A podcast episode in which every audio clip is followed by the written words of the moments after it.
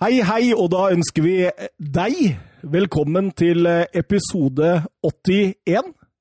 Vi sitter her eh, i et mørklagt eh, Strømmen City på et lite Ikke bada i mørket, altså. ja, nei, det bades ikke lenger nå. Nå begynner det å bli for kaldt for bading, Mats. I dag har det jaggu vært vått. Altså. Nå kunne du bada. Du har vel bada på trening i dag, så Ja, det har vært vått. Altså. Grusomt. Forferdelig, forferdelig vær, men eh, så lenge plussgradene holder seg, så syns jeg det er greit, jeg. At det ikke kommer ned som snø, liksom. Ja, ja. Ja, det har vært fryktelig mye vann i dag. Jeg Altså. liker ikke snø, det snakka vi jo i forrige Jeg er helt enig med deg, Thomas. Ja. Det er heller regn enn snø. Absolutt, absolutt. Em, Mats, Thomas, har du det bra? jeg har det fint. Jeg er som sagt litt våt, men Mhm. det, det går bra. Du har fått litt sånn der ah, Det ser ut som sveisen til David Beckham når han hadde brylkrem i sin tid. Litt sånn Ja, altså, jeg setter jo pris på sammenligninga og ser ut som Beckham. Det er litt Ja. selvtillit i det. Ja, ja. ja, ja. Og Søren, du eh, ser ut som Dietmar Hopp, eller? Nei, helt stikke. Men du har det bra òg? Jeg har det bra. Lever fortsatt litt på den fine søndagen, så gode Ja. resultater der. Ja, absolutt. Eh, Jeg har eh, brukt litt tid jeg på aksje-NM den siste tida. Aksje-NM. Ja. eh, NM i aksjer. Eh, Er du norgesmester? eh, nei. Jeg, det har gått så dårlig at jeg, jeg ga meg egentlig Altså, det, det siste innspurten er nå, Okay. men jeg har gitt meg. For andre år på rad så ga jeg meg før slutten, så det er, det er litt fælt. Det er litt som når du spiller fantasy, Mats. Ja. Jeg ga meg også litt før. Faktisk har jeg gitt meg allerede nå. Ja.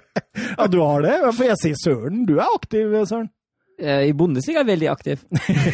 ja, du har, du har roa ned i Premier League, du òg? Ja, altså Ja, litt. Det, er- det er litt rart, for begge dere to henger liksom litt oppi der. Så det, det, det Ja, nei, det, Det er liksom sånn, du går på to smeller to ganger på rad fordi du glemmer det du har tenkt å gjøre. Og da blir det så slitsomt å hente seg inn igjen. Ja, ja. Uh, men det kan hende det kommer. Ja, ja, kanskje. kanskje. Det er, det er i hvert fall ikke for seint, sånn jeg ser eh, poengsummene deres. Eh, jeg ligger jo og svømmer på topp 10 000 i verden omtrent, jeg, vet du. Så, som vanlig. Da ligger jeg på rundt 11 000, ja, da, eller? Nei, jeg, altså det, jeg har ikke fått opp hva du er på, men sikkert sånn 150 000-200 000, kanskje. I verden? Ja. Nei, Jo, det tror jeg ikke noe på. Kan, kan fort være noe sånt noe. Men eh, vi må jo eh, kjøre program her, og da må vi gjennom et par av disse Twitter-spørsmåla først. Eh, vi kan jo begynne med Jørgen Be Ready Newstun, som har eh, sett seg merke i eh, 442. 442? 442? Der var du, For- der var du internasjonal, ja! Four, fo- four foot two. Fire, fire tos. eh, spissrangering, hvor de rangerer de beste spissene, og så spør den oss om, eh, om hva vi syns om eh, denne lista. Får du ta lista, eller? Ja, vi kan ta lista sånn raskt. Lewandowski 1, Kane 2, Ronaldo 3, Lukaku 4, Aguero 5, Haaland 6, Benzema 7, Raúl Jiminez 8, Suárez 9 og Jamie Wardy 10. Hva, Søren, hva, hva tenker du om lista sånn umiddelbart? Uh, den, den første tanken som slo meg, er liksom, hva er, hva er bedømmelsestidsrommet her? Er det 2020? Uh, er det per dags dato som det er akkurat nå, som de ser det? Uh, så det er jo litt greit å vite før man, før man Det kan ikke være i 2020, for da hadde ikke Aguero vært Nei, på det, femte. Det, det er jo det. Eh, det. Det neste som slo meg, var at jeg syns Benzema kommer litt dårlig ut av det, og Suárez kommer ganske godt ut av det. Ja, Suárez, du vil ha han bort fra topp ti? Ja, jeg hadde hatt den bort. Jeg tror jeg hadde funnet eh, spisser som jeg heller hadde hatt enn Suárez. Men sånn, eh, sånn topp tre og sånt, da, det, det, det er jo mest interessant. Det er eh, Lewandowski, Kane, Ronaldo. Du, du var litt overraska, Mats, over at de hadde definert Ronaldo som en nier. Jeg er ikke overraska, det var mer sånn spørrende at uh, han er vel ikke Oppi mitt hode så er han jo ikke noen klassisk nier-type. I hvert fall ikke hvis du ser de gutta som er rundt den på den lista. Men han er kanskje blitt mer en nier etter hvert. mer Mer sånn tap-in-type foran mål. Men eh, det er jo klassespisser, det. Eh, jeg hadde en, eh, satt opp en litt sånn utfordrerliste. Eh, Zlatan Ibrahimovic, eh, tenker jeg, i forhold til sånn han har vært nå i det siste. Helt enorm. Ja, han har vært fantastisk. Eh, Kramaric, eh, Søren. Ja, definitivt. Han er jo helt fantastisk om dagen. Ja, eh, Zapata, Ings, Immobile og Timo Werner er, er ting, i hvert fall spillere jeg hadde tenkt kunne vært på den lista. da. Ja, altså Werner, som var, eh, var ikke så langt bak Lewandowski i fjor, blir faktisk rangert bak Luis Suárez og, og Raúl Iminez. Det, Og, det er, og Lewandowski og Werner er jo de to spissene som de siste tre åra har skåret soleklart flest mål i Bundesliga. Kramaric er, eh, er faktisk litt undervurdert i fotball-Europa. Ja, enig. og Suárez er overvurdert. um, videre, Glenn Weber, han vil på fjelltur. Han uh, sier eh, hvis dere skulle satt av en uke på fjellet langt borte fra folk, sekk med det aller mest nødvendigste, gevær, fiskestang, firemannstelt, hvilke tre fotballspillere i Europa ville dere hatt med dere for å få en best mulig uke? Den var litt fin. Var litt snedig. Eh, har du tenkt noe på det, eller Søren? Litt, men jeg er litt dårlig på, på de der. Eh, og så er jeg litt dårlig med, med det med jakt og fjelltur og, og det der. Eh, jeg, jeg tror jeg hadde tatt med meg Jamie Vardy, fordi han er jo eh, Jeg tror han er fest i seg sjøl. Eh, Du, du, du skal på fest på fjellet. Ja, det er jo Ja, hyggelig. det er deilig. En sånn ordentlig god fest. Og så hadde jeg tatt med meg uh, Thomas Mulla, fordi jeg tror han også var ganske underholdende.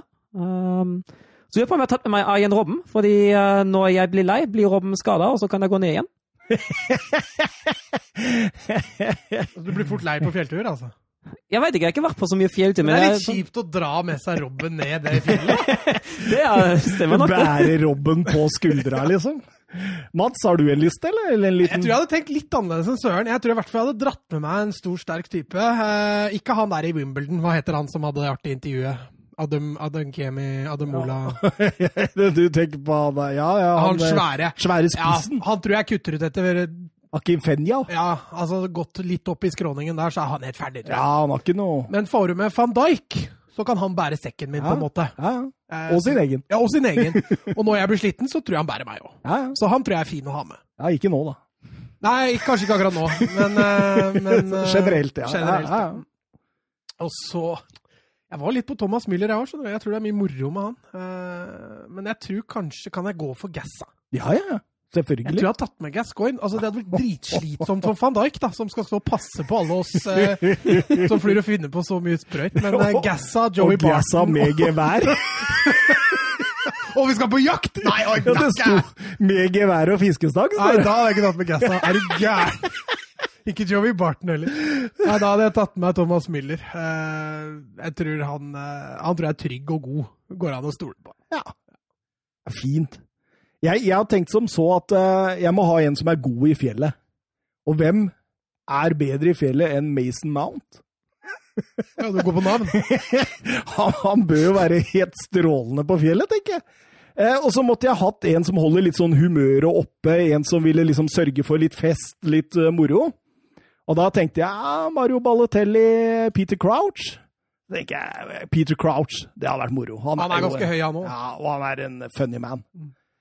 Og så måtte jeg hatt en som fortalte sånn ålreite eh, leirbålfortellinger. Litt sånn Espen Olsen? Ja, det kunne, det kunne vært Espen Olsen, det kunne det. Tror fortsatt det er mye han har å dele med oss, men eh, valget mitt da gikk for José Mourinho. Du måtte få med en Tottenham. Ja, og, og, og dessuten, jeg tror han er Han er både veldig morsom når han forteller, og han, jeg tror han har mye gode, interessante historier. ja, du slipper jo ha med Balotelli, da, for jeg tror han har en Balotelli-historie eller to. eh. Nei, det var nydelig, det var nydelig. Eh, Vi må gå videre. Vi fikk mye, skjønner du. Eh, Sandra sa jeg ba dere snakke om Villa før helgen, men ikke gjør det. De gikk jo på grusomt 0-3-tap. Og jeg som har sett på toget og alt, jeg. Ja, ja, du var klar, du, Jeg var for å klar. snakke om Villa. Men eh, Patrick Bamford han satte en stopper for det, og siden Sandra ikke vil det, så respekterer vi lytterne våre. Ja, altså, vi nevner ikke det. Nei, vi, vi, vi lar det være, selv om Bamford var veldig god i den kampen. Og eh, til slutt eh, Didrik eh, Tofte Nilsen som spør om Newcastle takeover. Ja, vi er tilbake på den spalten, ja. Så hyggelig. Og da måtte jeg jo undersøke når jeg så den greia der. Og det, det viser jo seg, dette her, at det, det, Skal du det, gjøre det spennende, liksom? det, det, er, Det er ikke over! Det er ikke over! Nei, det! det er ikke det! Det er ikke helt over, fordi nå har det skjedd noe, skjønner du. At det er en av disse Ru Ruben Brothers, ikke sant? de gutta som skulle være med Amanda Stavely og dette saudiarabiske mikmakket. eh, han har sagt opp jobben sin som direktør i QPR. Og han har begynt å, å hinte litt og tulle litt på Twitter og sånt om at han skal ta eh, flyet til Newcastle og litt sånne ting. Eh, det, det, er, det er liksom sånn som har begynt nå så smått, da. Og man merker også det at eh, Mike Ashley og de greiene der, at han er interessert i å selge, og at det ligger en formell klage på Jeg husker ikke hva han heter, et eller annet med Hunter i, eh, i eh, FA. Som de mener jeg på en måte har eh, gjort denne saken bare dårlig fordi han ville det. Og at det, det, det hadde muligheter for å komme igjennom. Da. Så det, jeg tror kanskje han går til rettssak, og det, det, er masse rart der nå. Så vi får se. Men eh, hvem tror vi eier om et år, Matt? Mike Ashley. Gjør vi det, Søren? Yep, Mike Ashley. Med Steve Bruce som hærfører. Du, Søren. Ja. Nå er vi ferdig med de første bolk av Twitter-spørsmål, og vi skal over på de forferdelige ti spørsmål. Ja, jeg varsler jo ti jævlige spørsmål i dag, jeg. Ja, du, du gjorde det. Det er jo fint, det.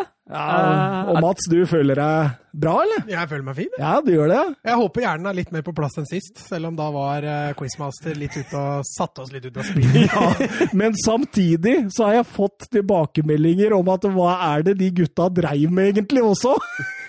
Så det, det, det går begge veier her den gangen der. Men kaka, der imponerte du, altså. Er du klar, Thomas, da? Jeg, du? jeg, jeg er klar, jeg er klar. Ja. Da starter vi som vanlig med en liten oppvarmingsrunde. Tre spørsmål til hver. Og den som har flest riktige i den første runden, den får ett poeng. Mats, vi starter med deg. Hvem har flest kamper i Premier League av Mark Schwartzer og Phil Neville? Schwartzer, det er han gamle Middlesbrough-spilleren, er det ikke det? Uh. Ja, han var i Middlesbrough. Phil Neville, han fikk jo ikke så fryktelig Jeg går for Schwarzer, Schwartzer, jeg. Det er helt riktig. Det er 514 mot 505. Thomas, Mm. hvem har flest Premier League-kamper av Jamie Carragher og Paul Scholes? Oi. Paul Scholes, han la jo opp i en periode der òg. Jamie Carragher, han Oi, oi, oi. Den er, den er Vi satser på Carragher. Det er også helt riktig. Det er 508 mot 499, like jevnt som med Mats. Mats, hvem har flest kamper i La Liga av Miquel Soler og Raúl Garcia?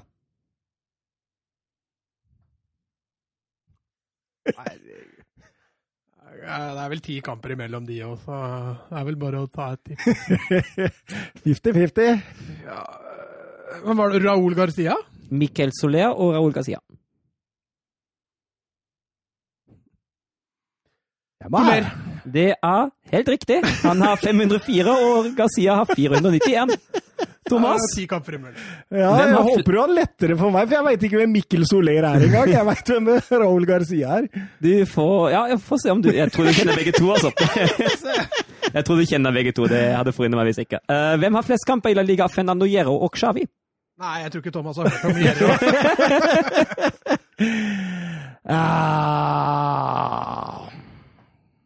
Er jo Xavi. Det er helt riktig. Det er 505 mot 497. Vi tippa bra! Rein- Er vi jævlig gode på å tippe? Mats, hvem har flest kamper i Bundesliga av Stefan Kiesling og Philip Lahm? Det der tror jeg er et lurespørsmål.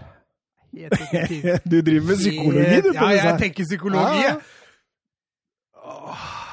Da burde det være Kisling, da, hvis du tenker sånn som du gjør. Ja, men siden du sier det nå Jeg går for Philip Lam. Det er feil. Nei! Stefan Kiesling har 403, Philip Lahm har 385. Thomas, nå har du mulighet til å sikre deg poeng her. Hvem har flest kamper i Bundesliga av Hans-Jørg Butt og Torsten Frings? Torsten Frings! Måtte dra han inn. Du måtte det. Det var ditt første kallenavn i poden her, det, søren. Yep. Av eh, 10 000 kallenavn. Ehm, jeg, jeg Er helt sikkert Frings? Ja, vi, nei, vi tar Bøtt, vi, for han er ganske morsom. Vi tar Bøtt. Det er feil. Det er Thorsten Frings 402 mot Jeg ga deg jo 327. svaret, jo! Ja, men da er det 1-1. Da Ingen får eh, begge to poeng. Å ja, så du Ja. er blitt helt søren? Det er ikke så farlig om du vinner? Nei, nei, nei, jeg tar dette som en sportsman. Jeg. Begge to får ett poeng Sitter her. en som eneste i podkasten her, jeg som vil vinne dette her. Og vi, vi starter litt lett i de ordinære spørsmål. Jeg lurer bare på hvem leder toppskårerlisten i Serie A? Thomas. Ja, Zlatan. det er helt riktig. Thomas. Han har seks mål. Vi går videre til Bundesliga, og lurer på om dere har fulgt litt med på det jeg har fortalt litt tidligere, for lenge siden. Hvem, hvem er den eneste spilleren i Tyskland som har vunnet to seriegull på 2000-tallet, og ikke har vunnet noen av dem med Dortmund eller Bayern? Oi! Og jeg gjør det jo sånn, jeg hinter dere litt mer Ja, utover ja. de fleste spørsmålene her. Har du spilt for Wolfsburg, Søren? Har du lurt inn en Wolfsburg-spiller her, altså? Det kan fort hende at jeg har gjort. Eh, Jeg kan jo si han fortsatt er aktiv i dag. Han spiller fortsatt i Bundesliga i dag. Han gjør det, ja. Ja. Spiller han fast på laget sitt i dag, eller? Ja Han spiller To forskjellige klubber som ikke er Dortmund. Hvem er den andre klubben, da? Den andre, oi, oi. den andre klubben er Stuttgart. Han har spilt veldig lenge i Stuttgart før han forrige sesong Før forrige sesong bytta klubb til et nyopprykket lag. Thomas. Ja. Var det feil år? Eller Mario Gomez? Nei, det er feil. Ja. Åh, han gikk til Union Berlin? Åh, Nå kan jeg ikke hinte med siden Thomas har svart. Hæ?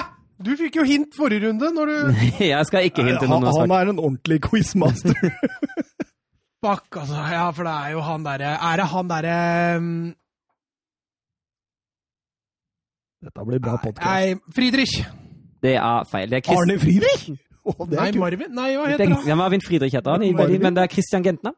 Åh, det er jo selvfølgelig Da skal vi Union Berlin-strategen. Ja, da skal vi videre til, eh, til en spiller. Da leser jeg opp klubbene i kronologisk rekkefølge, og jeg fortsetter med at jeg hinter litt hvis ikke dere klarer det med en gang. Uh, klubbene er Albacete, Saragossa, Real Madrid, Monaco, Real Madrid, Liverpool.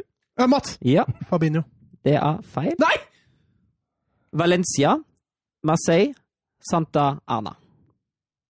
Da kan du ikke hinte mer heller, da. Nei, jeg kan ikke hinte mer, men, Men, men du kan si klubben igjen, for Ja, jeg, jeg, kan falt når du sa Mats. Ja. Ja, men fader, det er jo Fabinho. Nei, det er jo Albacete. Alba. Alba, Albacete, Saragossa, Real Madrid, Monaco, Real Madrid, Oh, ja, ja, ja, ja, ja, ja. Liverpool, Valencia, Marseille, Santa Ana.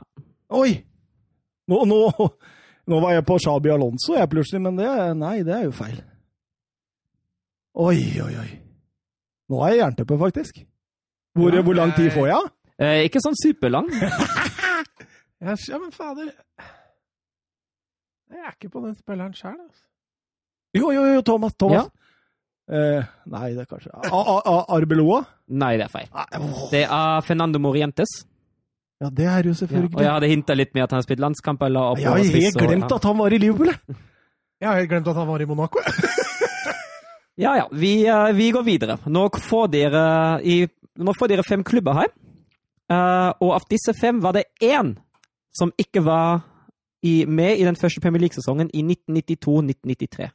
Hvilken av disse fem spilte ikke i Premier League i 1992-1993-sesongen? Coventry City, Crystal Palace, Newcastle United, Queens Park Rangers, Southampton FC. Oi! Den er faktisk litt tøff. Sier med en gang til. Coventry City, Crystal Palace, Newcastle United, Queens Park Rangers, Southampton FC. Jeg har eh, brukt psykologien igjen, jeg, altså. Oi, oi, oi. Jeg tror det er en av de to. Jeg prøver Thomas. Ja. Åh, Crystal Palace. Det er feil. Åh. Da var den ene jeg trodde eliminert, så da prøver jeg på Newcastle. Det er helt riktig. De rykket opp i 1993 til Premier League. Ah, der fikk du den fordelen der. Åh. Jeg, og jeg også gikk ned til Palace eller Newcastle. Da går vi videre til spørsmål seks. Og da er det sånn, hvis dere husker hvordan vi gjør det i starten med quizene uh, Dere får nå en kategori, og så skal dere bytte på å si riktig lag. Uh, og den som bommer, får da ikke poeng. Uh, Kruksen her er at det er sju lag, så den som sier navnet først, den får starte, men den må også eventuelt fullføre hvis, uh, hvis den andre klarer alt riktig. I de fire seriene vi følger, er det fortsatt sju lag som er ubeseiret i seriespill. Hvilke sju? Oi, det blir sånn skikkelig tenke-tenke med Thomas. Ja, faen, jeg skulle til å si Mats, men du prata! Thomas, ja, da blir det jo meg, da. Ja, Thomas? Milan.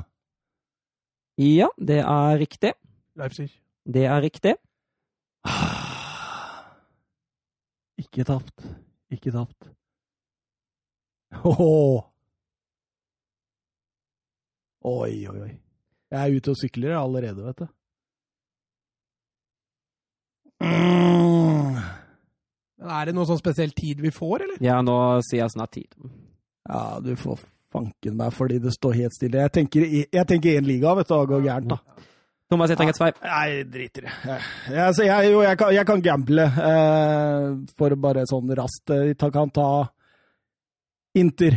Det er er feil. De andre klubbene var Nei, Atlet... ja, ja! Nei, han er jo ute. Det var jo ja! Vi har jo bare 1-1, da. Får ikke jeg Ja, OK, ja, da er greit. Du prøv. Ja. Mats? Får jeg Ja. poeng uansett, Nei, nei, nei, Mats. Nei, for jeg tror Atletico har Rubens her, da. Det stemmer, det. Da har du fått poeng. Det er, det er Atletico, Leipzig, Wolfsburg, Leverkusen, Milan, Sassolo og Juventus. Er. Juventus, selvfølgelig. Ja. Ja. Ah, det var det jeg hengte meg opp i Premier League, vet du. Ja, der, er jo, der er jo ingen, er det det? Det stemmer. Ja, ikke sant? Å, fytti rakkeren. Da leder du 3-2, Mats, men eh, det er fortsatt god tid å snu det igjen, Thomas. Ja, vi får jo to poeng for siste gang. Nei. Ja, det er en ny regel fra forrige gang. det Stemmer det. Uh, vi har jo så langt, kanskje ikke denne runden, men før har vi blitt skjemt bort med mange skåringer i Premier League. Uh, og likevel klarte da denne runden Leeds-spilleren Patrick Bamford å skåre hat trick. Han er allerede den sjette spilleren som har skåret hat trick i 2020-2021-sesong. Nevn tre av de fem andre som har skåret hat trick i Premier League så langt denne sesongen. Tre av fem. Oi, oi, oi, den er tung, ass. Fy fader, Den er tung, ass. Det er kjipt å gå først på den, da. Så kommer du på to. Ja, Altså. ikke sant? Å, den er Den, Dere kan vel passe begge to, da. Det er den lov, det. suger, ass. For, si, sier du noe der nå? Ja, da er du Nei, jeg kan jo to. Det er det som er problemet. Ja, ja. Nei, jeg prøver! Mats! Ja. Fader, og så gikk jeg først. Helsike! Der lot jeg meg Ja, Mohammed Salah.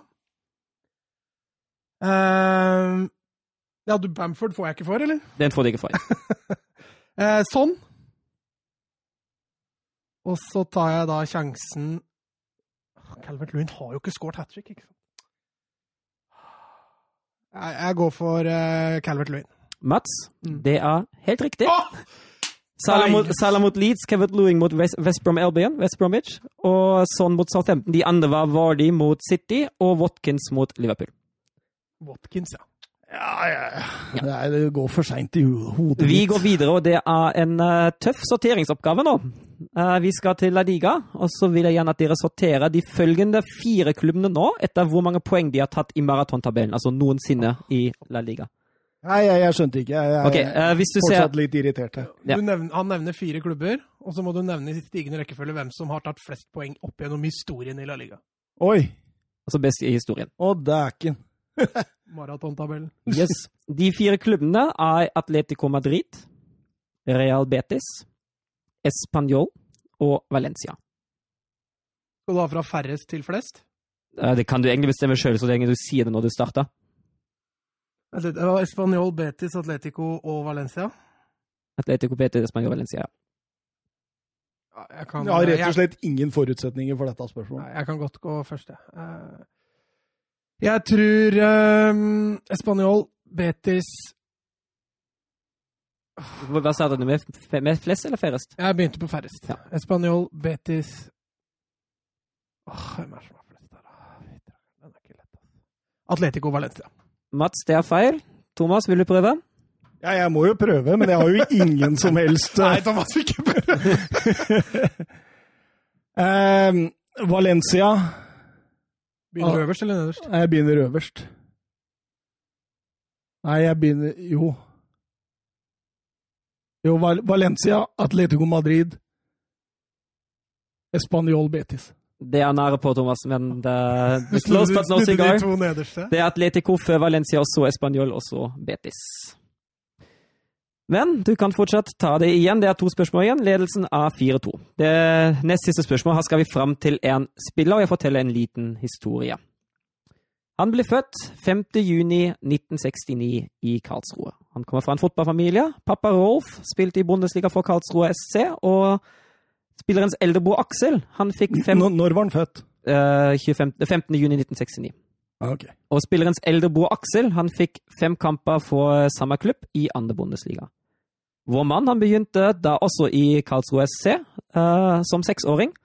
Og han spilte hele ungdomstiden i Karlsruhe, og i november 1987 debuterte han for klubben i Bundesliga. Til tross for det fullførte han gymnas og begynte å studere. Studiet fullførte han ikke mens han var proff, men han fortsatte å studere etter karrieren. Uh, sånne supportere sammenlignet ham ofte med en gorilla, sa de senere i karrieren, og på bortekamper haglet det gjerne bananer mot spilleren fra hjemmesupporterne. På en bortekamp i Freiburg i 2000 ble det kastet ting, og han ble truffet av en golfball. Selv om han blødde sterkt, fullførte han denne kampen. Og til tross for at han spilte 557 kamper i Bundesliga, klarte han aldri å skåre. Han bommet med et straffespark mot Energi Cottbus i 2002. Et år tidligere hadde han bokset ballen i mål etter en corner mot Hansa Rostock. Vår spiller hadde gull fra før, og da ble han utvist. Og etter kampen sa han at jeg trodde keeperen har lov til å bruke hendene. Mats. hendene. Ja, Oliver Kahn. det er helt riktig, Mats. Uff a meg. Jeg henger ikke med. Da går vi. Shit. Den, sleit, den sleit Ja, jeg jeg. hang med. Nei. Vi går videre til siste spørsmål. Da har jeg, har jeg noen kallenavn som går på én og samme klubb. Og jeg vil vite hvilken klubb har alle disse kallenavn. La fidanzata d'Italia, som betyr The Girlfriend of Italy. La vecchia signora.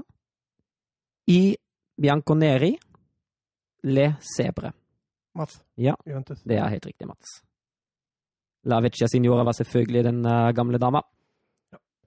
Da vant du den quizen her, Mats. 6-2. Gratulerer. Deilig. Nå har jeg med en uh, liten premie. Jeg ser du er litt irritert, så jeg skal ikke Ja, jeg ser ah. Litt tidlig i boks med pepperkaker. Nå tar, begynner premien å ta seg opp i quizen her, altså. Jeg må bare gå til uh, intro, jeg. Ja, greit.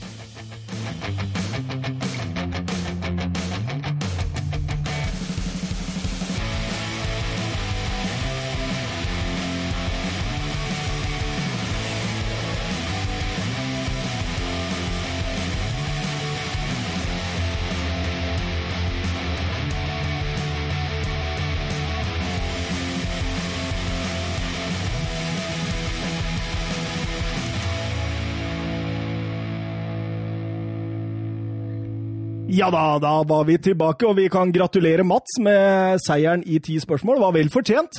Jo, Det, takk, det, det, det, det syns jeg virkelig. Det er som jeg sa til, eh, til Søren her i stad òg, at hvis jeg hadde hatt den quizen aleine, så tror jeg ikke jeg hadde klart å slå deg med de seks poenga. Så det, det, det skal du ha. Jo, takk for det. takk for det. Du hjalp- du Eh, hjalp meg på det ene. Ja, det, men, men det, er, det er som jeg sa til dere òg, at jeg Altså, jeg var jo så langt ute, og det siste spørsmålet der, så satt jeg og venta på flere slagord, holdt jeg på å si, og Når jeg sa Juventus, så skjønte ikke du jeg, jeg, jeg, jeg tenkte hva har du Hva er det du driver med? Men, men, det Det var godt er å se at du reagerte litt. Ja. forrige quizene syns jeg liksom du har vært litt likegyldig. Ja, ja, men, men, men jeg syns uh, det, det, det blei litt for Altså, det var et eller annet med hodet mitt som ikke fungerte.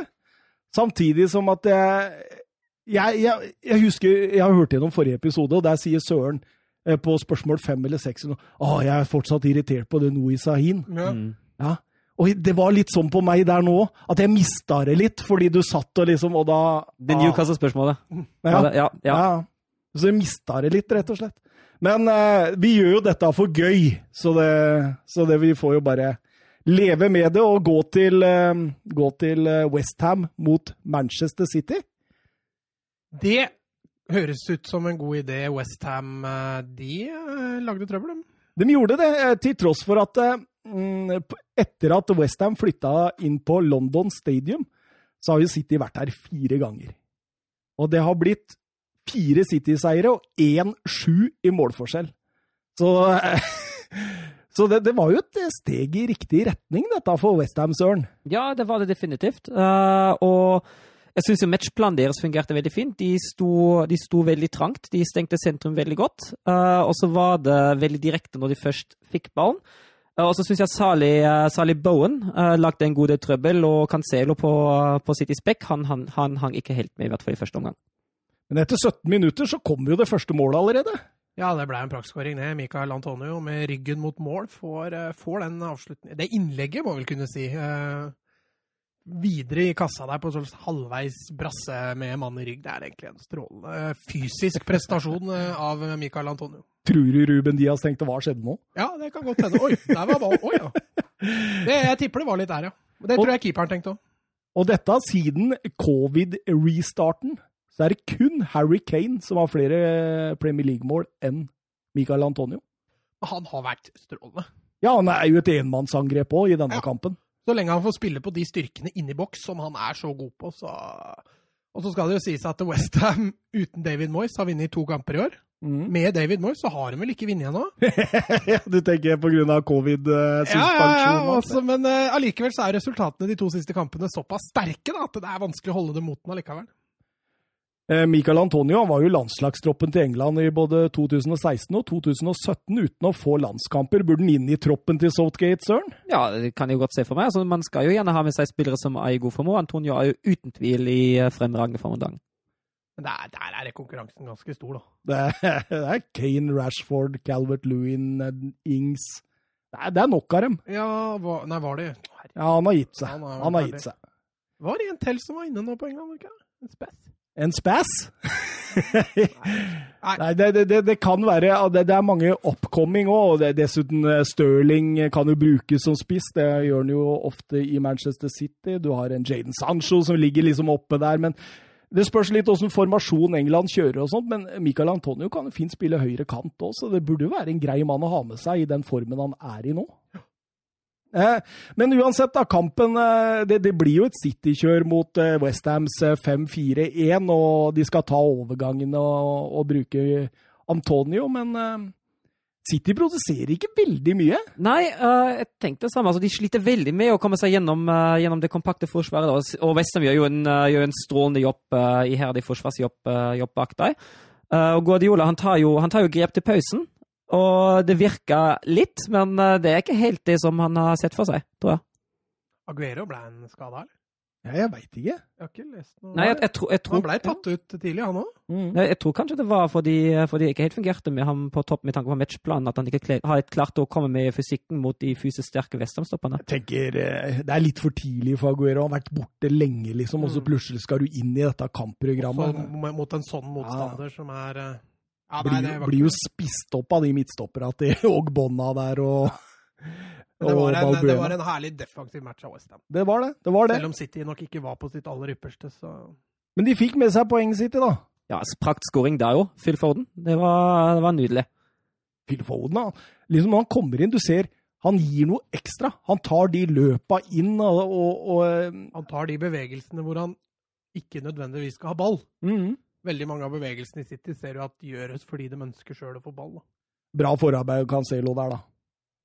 Når han kommer ned på venstrebekken der og venstre kanten, mener jeg, og forserer Kofal der og legger inn 45. Eh, fint at han demper og tverrvender. og Det er, det er veldig bra. altså Phil Foden han tar steg hele tida. Syns han begynner å bli en viktig City-spiller. Eh, så kommer jo også Kevin De Brøne inn. Men eh, det var ikke Kevin De Bruyne i toppslag, eller? Nei, det, ble, det var ikke det. Uh, og da, altså, det virker litt prega fra skaden fortsatt, egentlig. Uh, og så virker det også litt prega på at uh, det, var, det, var, ikke så mange av de løpene som han vanligvis slår til, som var der for City, rett og slett. Stirling hadde jo noen mot slutten der som han kanskje burde ha avgjort kampen på, men i det store hele City ligger jo mot slutten da, nesten i en 2-3-5-formasjon mot Westham-laget, og det kommer ikke det som, som skal til. Jeg så dem hadde sånn Uh, jeg veit ikke helt hvor jeg leste det, men at de har eh, expected goals for og imot ligger omtrent likt på Manchester City. Så det er åpenbart et eller annet der som skurrer, altså. Ja, jeg syns City dem, dem, har vært litt stykke unna. Uh, vi hadde dem vel som seriefavoritter i vårt tabelltipp, så det må skje noe der ganske snart, altså, hvis de skal greie å opprettholde det. Spennende, spennende. Vi går videre til Old Trafford. Et storoppgjør. Manchester United mot Chelsea. Og man skulle jo eh, få en viss sånn Altså, Man hadde jo forventninger til dette her. United hadde vært i Paris, slått Paris Saint-Germain 1-2, noe som du var jo inne på podkasten forrige gang, at der får de juling, og så går de og henter tre poeng. Og, eh, og Chelsea, som har gjort en grei kamp mot Sevilla på, på Stamford Bridge og få 0-0. Ja, og så blir det expected goals når vi først var inne på det med City. Expected goals er vi 0,65 mot 0,22, så til sammen blir det ikke ett engang. Og det sier vel det, sier vel det meste om den kampen der. Altså, første sjansen kommer jo etter 30 minutter, når Rashford kommer gjennom der med Mendy. Beinpar her, da. Dette var to lag som hadde det defensive i fokus. Og det, at Chelsea har det, er ikke så fryktelig rart, sånn som de har holdt på siste ukene. Uh, men, men, dessverre så blir det jo da et kampbilde som, som preges litt av det. Da, at man, man, ønsker trygghet bak framfor å, framfor å, ta sjanser. Og det er vel egentlig ikke før mot slutten av matchen, når det begynner å bli litt sliten, at det begynner å glippe litt. Grann. Men Jonathan Hobber på Twitter han spør hvordan i svarte blakken kan VAR unngå å se på Maguire-holdninga på Aspilicuelta, for så å se på Rashford sitt fall ett minutt etter? Det er jo ikke rart i Manchester United får flere straffer enn noen annen i Premier League-historien for tida. Ja, jeg er enig. altså Jeg syns det er hårreisende. Jeg tenkte, jeg tenkte akkurat det samme da jeg så kampen, at OK, hva ser ikke på det der? Altså, den, den, situasjonen med Canté og Rashford, etter min mening, er det helt vanlig kontakt som du ser 10 000 ganger i løpet av en fotballhelg. Jeg skjønner ikke at hva har noe som helst å gjøre der. Nei, jeg er helt enig. Altså, og, og det til uh, den duellen uh, Maguire-Aspilicuelta, det er soleklar straffe, Mats. Ja, det er en skikkelig bamseklem han får der. Aspilicuelta legger arma rundt eh, halsen på den, rett og slett, mm. og holder den nede mye mer straffe, det der, enn den vi skal til i hovedkampen. Ja, absolutt. absolutt. Helt utrolig, syns jeg. at det ikke blir det. Og da, jeg, jeg, blir jo litt irritert da, når jeg ser liksom sånn uh, possible penalty check rett etterpå på den uh, Søren nevner med Canté og Rashford der, som knapt nok er noe å se på engang. Liksom, hva, hva er det for noe tull? Hadde, jeg lover deg, hadde dommeren der gått bort på skjerm og sett uh, Maguire Aspilicuelta, så kunne ikke gjort noe annet mm. enn å dømme straffespark. Det er, det, det er, nesten en skandale at han ikke ses på. Men uh, 0-0 til pause. Chelsea rett ut i strupen på Manchester United fra starta, egentlig i annen omgang syns de. Men, men, det, men det, det, blir ikke noen sjanser. Nei, det blir, det blir veldig mye nesten, syns jeg. Det blir, jeg er enig med deg. Noen skudd fra litt distanse. Og... Ja. Og så er det den siste tredjedelen de sliter på, syns jeg. Det, er litt sånn da det, da det rakner litt. At man, man prøver godt, som du sa, de er i strupen på motstanderen, men de kommer seg ikke i den siste tredjedelen i de farlige situasjonene. Og Kavani, hva syns vi innhoppet hans? Så frisk ut, gjorde han ikke? Ja, jeg syns det. Eh, når han tåler 60-70 eh, minutter og kan starte fotballkamper, så, så kan det bli bra. Det, han er langt mer en nier enn Martial, i hvert fall. Mm. Så det der, det der, kan eh, Du, du tippa vel rundt ti mål i løpet av en sesong, ja. og det ikke er så gærent. Og det, det, tror jeg du kan få rett i, hvis det der er standard. Ja, absolutt. Altså, vi må ta til betraktning her at uh, sist Kavani spilte en match, var 18. mars mot Strasbourg for Paris Saint-Germain. Så det er jo Det begynner å nærme seg godt og vel et halvt år. Mm. Um, men det blir 0-0, og selv om det var en viss United-sluttspurt, jeg syns eh, Tiago og gjengen bak der står godt. Ser at Tiago kjenner Cavani, og kanskje så sett den verste motspilleren han kunne ha. Mm. Men, uh, Rashford har vel et langskudd der, det er vel det nærmeste ja. United kommer på, på slutten. Men uh, det var United som hadde det lille trykket der. og jeg så jo mange tenkte at ja, dette er nok Chelsea mest fornøyd med, i og med at de spiller på bortebane. Men, uh, men United kan jo gå forbi Chelsea da, hvis de vinner hengekampen sin. så...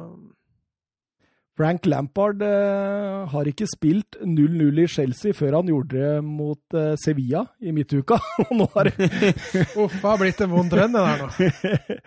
og Manchester United har ikke vunnet på de tre første på Old Trafford eh, i Premier League. Det er første gang siden 72-73-sesongen. Han tar noen negative rekorder i den perioden han er nå, Solskjær? Altså. Han gjør det. Han har tatt noen positive, og så tar han noen negative. Men det er vel Solskjær i Manchester United? Det er jo berg-og-dal-bane. Ja, det er det. Liverpool, Sheffield United. Det ble åpna der med et brak når Sander Berge satte inn straffespark. Ja, for en straffe! Det er bare oss nordmenn som greier å sette sånne straffer. Det er helt nydelig. Åh, at ikke det ble større overskrifter. Jeg skjønner ikke. Det var fantastisk. Nisselue på! Nisselue på! Men, men eh, hvor eh, mange millimeter inn på krittet felte Fabinho egentlig Oliver McBurney? Ja, det er hårfint. Det er, det er skikkelig hårfint. Og ja, dømt frispark, og så tar jo VAR det. Og så, det, er jo, det er jo åpenbart innafor da, og da kan du ikke gå tilbake på at nei, det var ikke frispark likevel. Det er 37 kamper siden Liverpool fikk straffe imot seg på Anfield Road. 37 kamper! Før Og når det først var det, så var det med minst mulig margin. Det var liksom Det var millimeter fra, fra et frispark. Men Liverpool, eh, som for et par års eh, tid siden, så var de sånn at de høvla over motstanderen. Eh, nå er det mange flere sånne krigeseiere. og De har nesten blitt litt sånn De grinder ut resultater, de òg. Ja, men nå har de jo slitt litt nå, da. De har vel én seier på de siste tre Premier League-kampene. og det, det er vel nesten mer enn de har slitt i hele fjor, så, så det er tøffere for Liverpool i år også. Jeg syns jo den kampen her så synes jeg den begynner litt sketchy. Sheffield United presser virkelig på og kunne fint le, fått, et mål til. Ja, ja. De hadde vel en del straffespark-appellens òg. Ja, Sander Berge der, og Ja, den hensen til Ja, den- ja, Sånn som de har dømt straffer i år. ja. Så skjønner jeg ikke hvorfor det der Ja, ikke er en straff. Veldig rart. Veldig rart. Har de gjort om den Hensre-greien, eller? Plutselig så er den borte nå. Eh, Bare å hense Det blei for mye, det blei for mye, rett og slett. Det der er VAR-greiene. vi, vi, vi kan bare Men Hva som sa at det bare er å legge ned? Hva har det? Ja. Det Kunne en- vært meg. Det var en eller annen på Twitter som bare Det der er det bare å legge ned. Ja, men Ja, det, og det, og det er jo så trist, for de var er jo egentlig et veldig fint verktøy, men som, som det brukes nå, da er jo det bare rot. Og, det, og det er ikke bare altså Dere, dere har sittet ofte da Ja da, men dere må se til La Liga, dere må se til Serie A i Premier League. Men det er jo like mye galskap der, egentlig, Nei, med VAR. det er ikke så ille. Det er Jo, det syns jeg, ass. Det Det jeg. syns jeg ikke. Jeg syns det er noen som tolker regla Husk- gærent. Det kan godt hende, men hens-regelen, sånne ting, det, det er ikke Ja, det, vi har sett mange eksempler, bl.a. i Serie A, på at det plutselig er hens på noe som Ja, men Serie A har jeg også slakta tidligere. Ja, du har det, ja. La Liga og Bundesliga. Altså, Jeg sier ikke at det er perfekt, det er det ikke. For det er Nei, situasjoner for vi kan diskutere der hele også. tida. Ja, Men nå må du definere hele tida, da. Hver kamp, eller? Nei, men Hver omgang? Ofte, ofte så ser man eksempler eksempler Ja, hver runde. jeg syns det er liksom så mye mer i Premier League. Jeg synes altså det. Altså, jeg følger jo, følger jo virkelig tett med på, på Bundesliga. Uh, Nei, det og, gjør du ikke. vi vil ikke tro på så ikke noe og Bundesliga. Altså, det var, det var veldig mye i starten da òg, og det har roet seg litt. Altså, det kommer jo selvfølgelig opp noen ganger innimellom at her var det kanskje noe som var litt rart. Uh, men i det store og hele fungerer det egentlig ganske så all right i Bundesliga med vei. Nå, er ikke, nå har ikke jeg skrevet ned noe for å huske noe, men jeg husker det er, det er ikke så lenge siden jeg tenkte i Bundesliga at det var det VAR driver med der. Ja, altså Innimellom er noen situasjoner. Det er, det er jeg helt enig i. Men eh, det fungerer, altså, i snitt fungerer det betraktelig bedre i Bundesliga enn i Premier League. Men uh, dette er ikke noe VAR-podkast. Jo må- da, det kunne vi hatt. Det kunne holdt på i to timer. vi må over til 1-1-skåringen til Firmino. Den var viktig rett før pause. Ja, og der sover Sheffield United-forsvaret litt. Eh, Mané får snike seg inn der. Litt svakt å ikke skåre, eh, men Firmino dukker opp på returen og redder situasjonen. Absolutt. eh, Jeg syns det er et bedre Liverpool-lag på vei ut i annen omgang. Utvilsomt. Altså, de skjerpa seg i slutten av første omgang. Det var da Mm. omstillinga til Liverpool begynte. Og det kan godt hende at Sheffield begynte å bli litt eh, mer utrygge på det de dreiv med. De fikk ikke den 2-0-skåringa. Liverpool begynte da å male litt mer, og så får de den 1-1. og det... Den, eh, den energien Liverpool får med seg inn, den tar de jo strengt tatt fra Sheffield United. og da, Når de får den 1-1 der, så, så tror jeg mange tenkte at dette, dette går veien. Så får Salah et mål der, alle tror det er 2-1. Så kommer VAR inn og sier at eh, nei, det var offside. Og så rett etterpå så kommer Diogo Jota. Vet du hva, jeg så det målet, så gikk jeg på do. Ja. Og så kom jeg tilbake så var det fortsatt 2-1. Så Så jeg tenkte, jeg gikk inn på Fantasy, for jeg har Sala som kaptein. Og så tenkte jeg fire poeng? Fikk jeg fire poeng for det målet der? Han burde jo fått eh, 20 poeng for det fine målet der. Og så ser jeg Yota. Yota, er det han som sko- Du skjønner ingenting! ingenting. Du fikk en litt sånn derre Jeg husker eh, Molde-Lillestrøm på Aker. Når Molde leda 3-0. Eh, når det var spilt 90 minutter. Ja, den i Da 2011, gikk jeg og skifta, for jeg skulle på jobb. Og så kommer jeg tilbake, og så står det 3-3. Men da, da, tror jeg faktisk at det, det er en feil. Her er det en feil, ja. Ja. Det var deilig. ja. men, eh, men utover i kampen, da, etter Yota Fin mål forresten av lille Yota der, som eh, Stiger til værs. stiger til værs. Eh, dårlig, eh, dårlig er enda Stevens der, som ikke følger den, men Ja, jeg synes det, Akkurat det der er ting Sheffield United ikke kan tape kamper på mot Liverpool. altså. Ting som går i lufta, og ting som går bak ryggen på, på spillere. Det, og begge måla kommer som følge av det der. absolutt. Og da, da sikrer Liverpool seg tre poeng. Da veldig Altså, det, det, var, det var en uh, hardt arbeida trepoenger. Ja, ja, utvilsomt. Sheffield United ga dem skikkelig kamp. og... Altså, eh, Første 30 så fortjener jo Sheffield å få med seg noe fra den kampen, her, men, men jeg syns Liverpool er såpass mye bedre utover i kampen og, og vinner sånn sett fortjent. altså. Mm. Det er ikke gærent å si det. Eh, Liverpool er dermed ubeseira på Anfield i Premier League de siste 61 kampene. De har skåra 162 mål, som gir et målsnitt på 2,7 per kamp. Og de har sluppet inn 40, som gir et målsnitt på 0,7 per kamp. Så det er, det er jo et fort. Sheffield dro opp snittet der, rett og slett. Men de dro opp snittet litt. De gjorde det.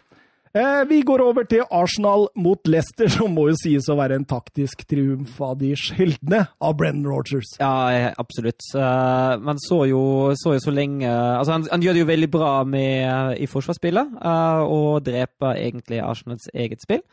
Uh, og så ser man jo i kampen at de jakter bakrom hele tida. Og så tenkte, jeg hele, altså tenkte jeg litt underveis at hvis Jamie Vardy hadde vært på nå, da hadde den situasjonen blitt mye farligere. Og den situasjonen hadde blitt mye farligere. Det var noen, uh, noen passinger der som, uh, som, ikke helt kom fram, på, med tanke på at de manglet den bakromspissen. Og så kommer Vardy på, og så tar Arteta null hensyn til det der. Uh, Syns det er ganske naivt, og så må det selvfølgelig bli en, uh, en skåring etter en passe i bakrom, riktignok på, på under, som var første der. Men det var, det, var, litt sånn typisk at det skulle bli avgjort av en pass i bakrom og av Jamie Vardy. Det var ikke noe under, det. Nei. Ja, jeg tok, jeg tok han. Jeg tok han. Men, men uh, det som jeg syns var funny her, er her kommer Leicester til Emirates mot Arsenal, som er så å si skadefritt.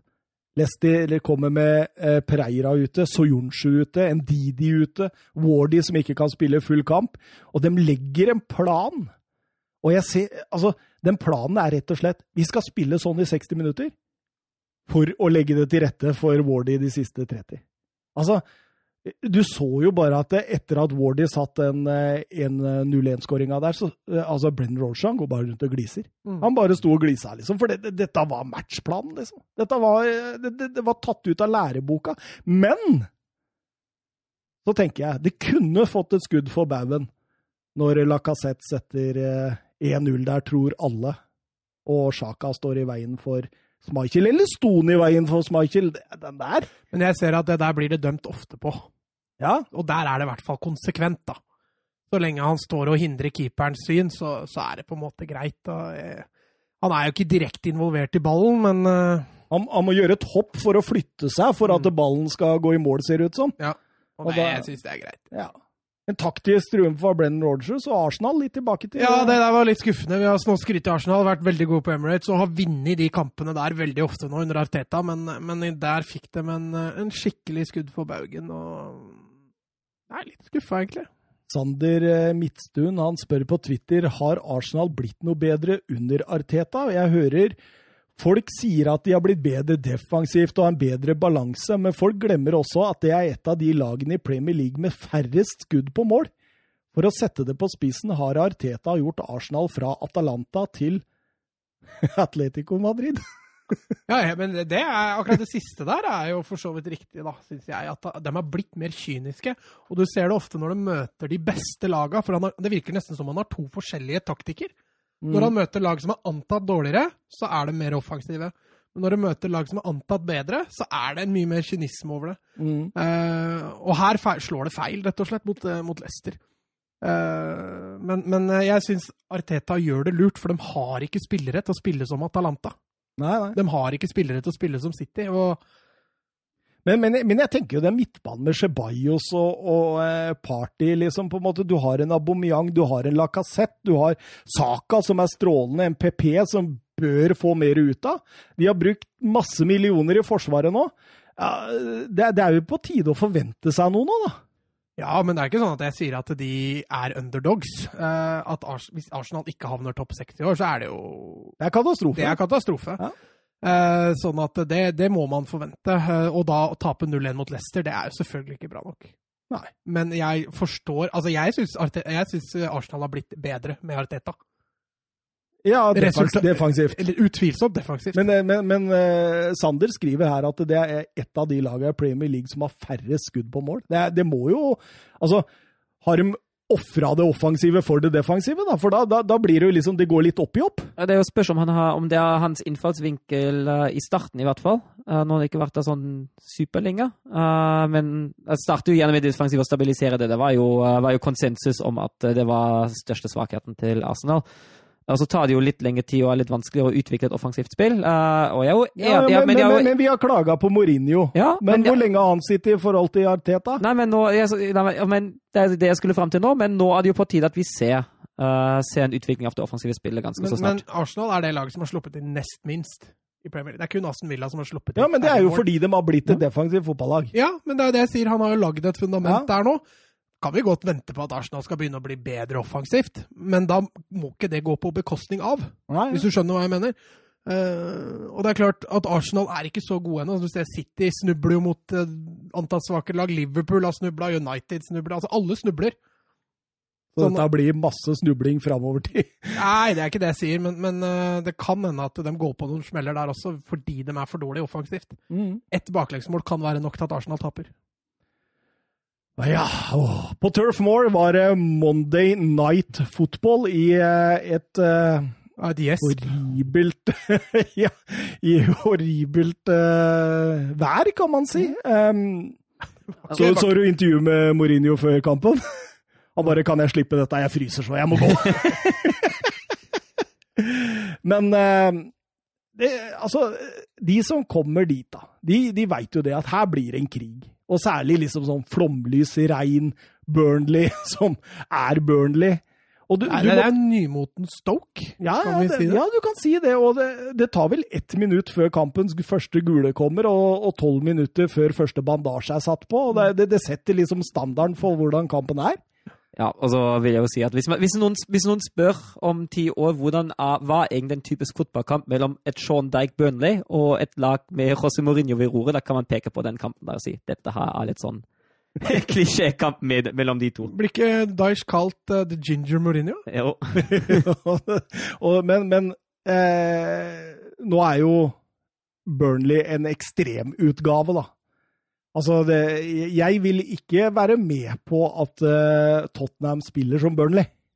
Nei, men det er det vel ingen som har hevda. Eller mener du Søren hevda? Nei. Nei, nei, nei, men, eh, men, om, men om det var det Hva, hva mener du, Søren? Nei, jeg mener bare at det er litt sånn, litt sånn typisk eh, litt sånn det, det klisjé man har foran seg, at eh, Sean Dykes lag er gjerne veldig, veldig defensiv og krigerske, og at Rosse Mourinho også har gjerne en litt defensiv innfallsvinkel, og da er det det man får en krigerkamp som ender 0-1 avfyrt av en, av en dødball uten mange målsjanser. Så hvis de to møtes ti ganger, så blir det det typiske hver gang? Ikke hver gang, da, men sånn. Ja, jeg vil jo si at det blir litt sånn eh, Altså, jeg vil jo si at det blir uh, i snitt, i hvert fall på Turfmoor, kanskje litt, litt færre målsjanser enn ellers.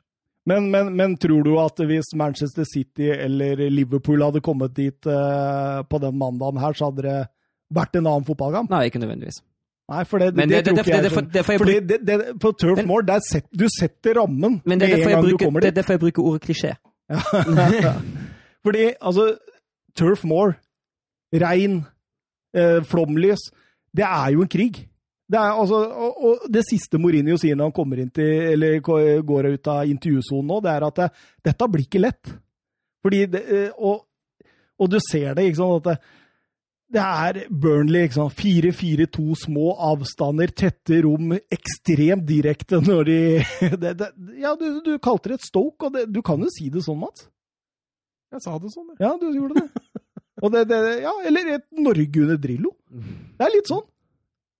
Ja, jeg er ikke uenig. Jeg syns det var en gørrkjedelig fotballkamp. Det var jo det. Det var jo, det var jo ikke noen sjanser i det hele tatt. så det var en som skrev på Twitter at det er kudos til kommentatoren som ikke har sovna ennå. Jeg, jeg likte den. Ja, det var jo kjedelig. Det var jo eh, egentlig ingen målsjanser, omtrent, før liksom siste 20 minuttene. Ja, og det Nei, det, det var liksom litt kampbilde med tanke på hvordan været var og Burnley. Burnley var litt påvirka, det som òg. Det, var Mm. det var litt Burnley fra i fjor. Det var, Det litt, var å, det. var litt å kjenne igjen. Mm, absolutt.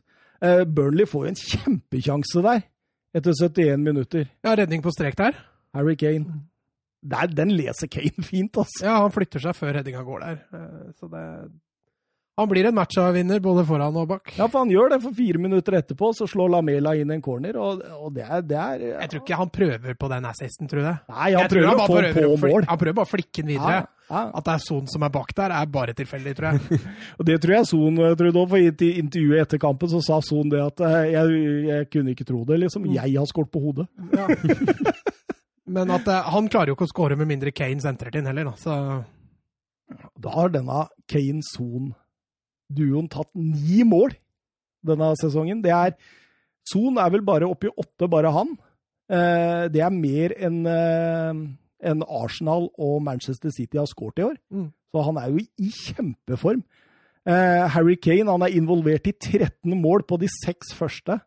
Eh, fem mål og åtte assist. Det er Premier League-rekord all time high. Ja, og så satte vel Kane personlig bestenotering òg. Uh, han har vel aldri hatt åtte assist før på én sesong, og det har han jo gjort før jeg har spilt uh, sju kamper. Da, Det er Kevin De så Brøne-nivå. fortsetter han i det. dette tempoet, så stopper jo ikke han før han er oppe i 50.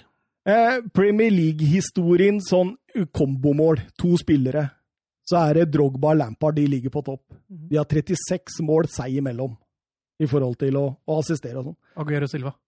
Ja, eh, Aguero Silva, Harry Kane og Son, og Ari og Pires har samme nå. 29. Det er gode muligheter da, for at eh, Kane og Son er det. faktisk går forbi. Det er jo det.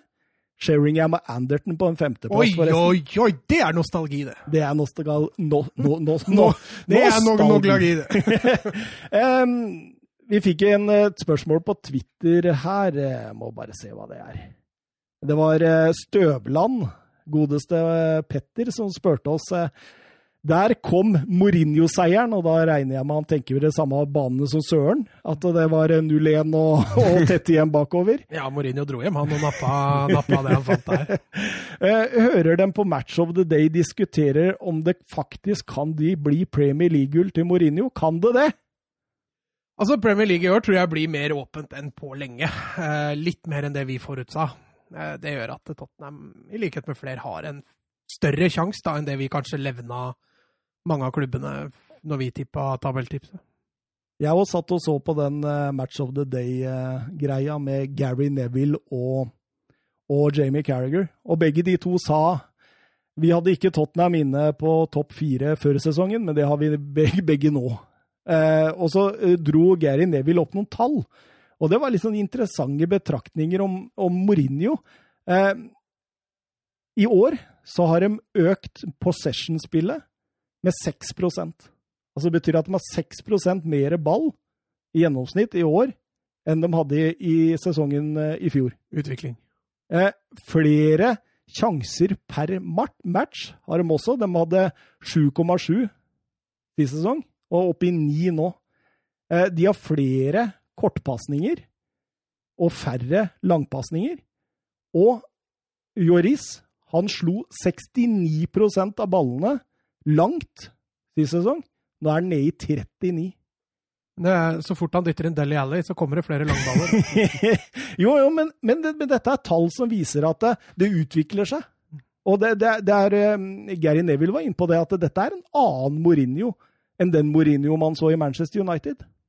Så det blir veldig spennende å se framover, altså. Om dette utvikler seg enda mer. Mm. Da, og hvis det gjør det, da kan like godt Tottenham ta seriegull som Liverpool og Manchester City, hvis sesongen fortsetter sånn han gjør nå. Ja, for det er jo litt sånn altså City har ikke sett solide ut. Eh, Chelsea og United kan vi i hvert fall si det samme om. Og, og det er kanskje bare Liverpool da, som står igjen som en seriøs utfordrer. Everton og, og, og kommer jo til dette. Og Ja, ja. Villa tror jeg nok også Sorry, Sandra, men eh, det, jeg tror ikke det er noe håp der. altså. Eh, Vi går over til La Liga. Vi går over til Elche mot Valencia. det høres litt rart ut at vi plutselig skal dra denne kampen nå, men vi må jo følge Valencia. Ja, og det, men altså, jeg syns, syns Valencia i den matchen der var eh, altså, Det er et av de bedre matchene de har hatt i år, altså.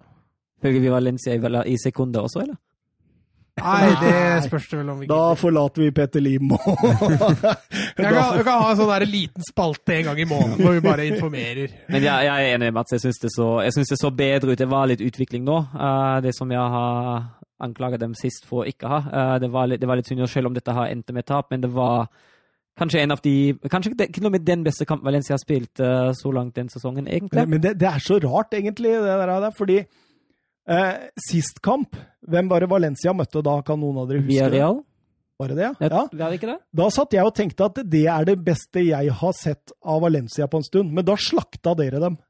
Og nå så syns jeg Valencia var fullstendig på trynet, og da hyller dere dem for at Ja, men det er jo ikke noe hyllest, det Nei, her. men, men at de, de Altså, Elche var det beste laget fram til dem for 2-0.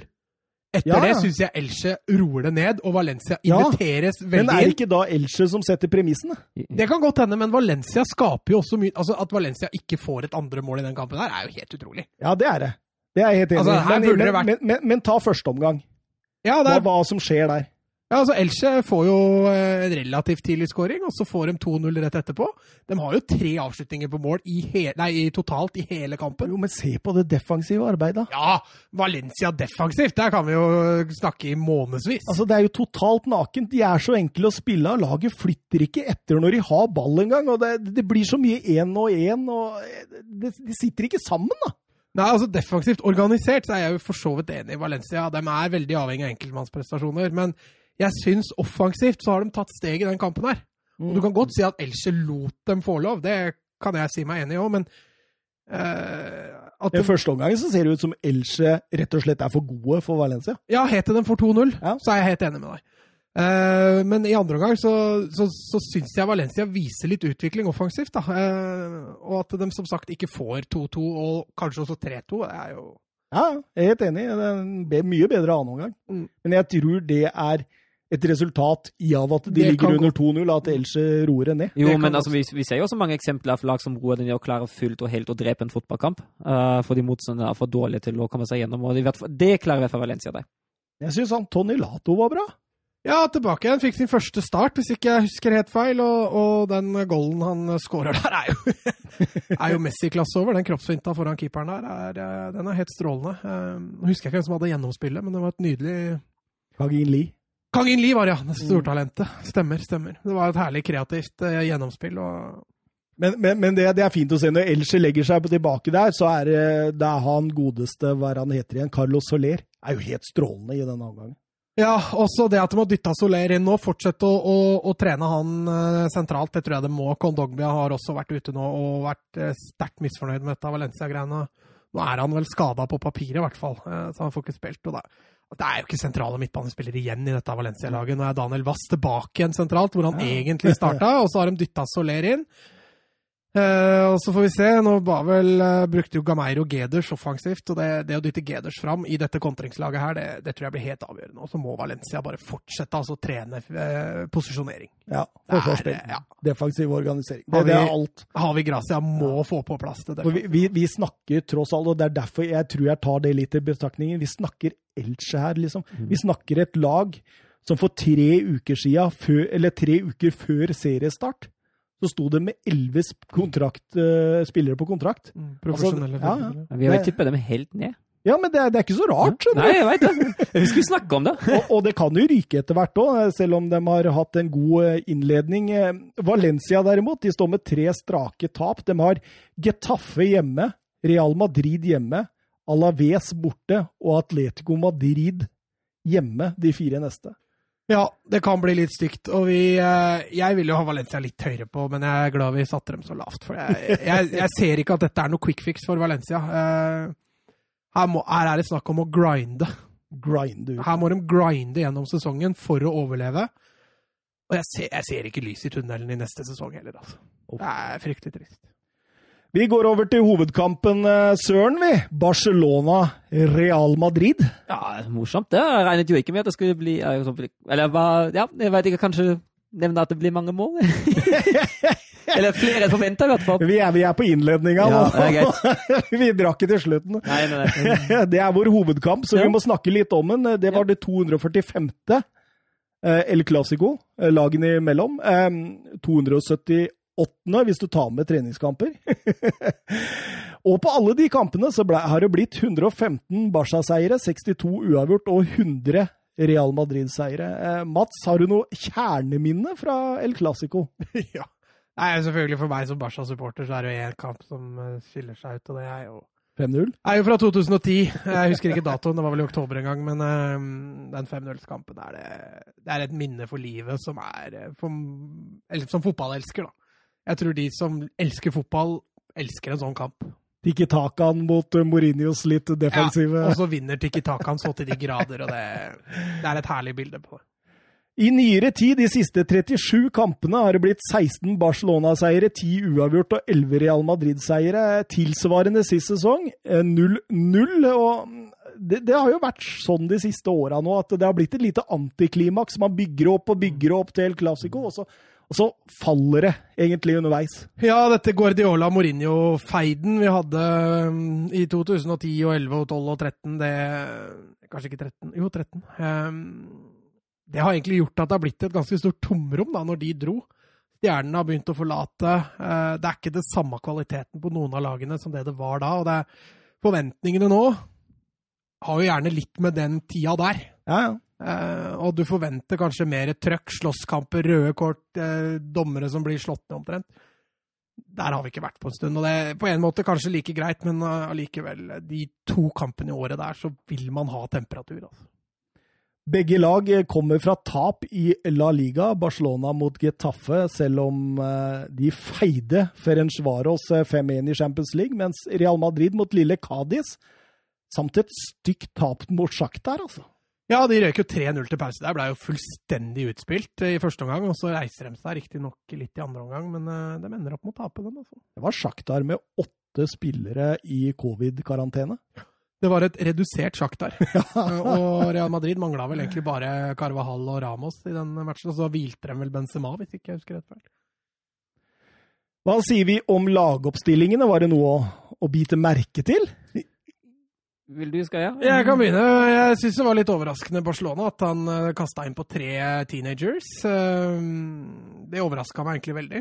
Uh, når det gjelder Real Madrid, så var det jo så var Ramos tilbake igjen i startoppstillingen, mens Nacho da skulle ut på, ut på høyrebekk, var vel kanskje det mest oppsiktsvekkende fra den sida.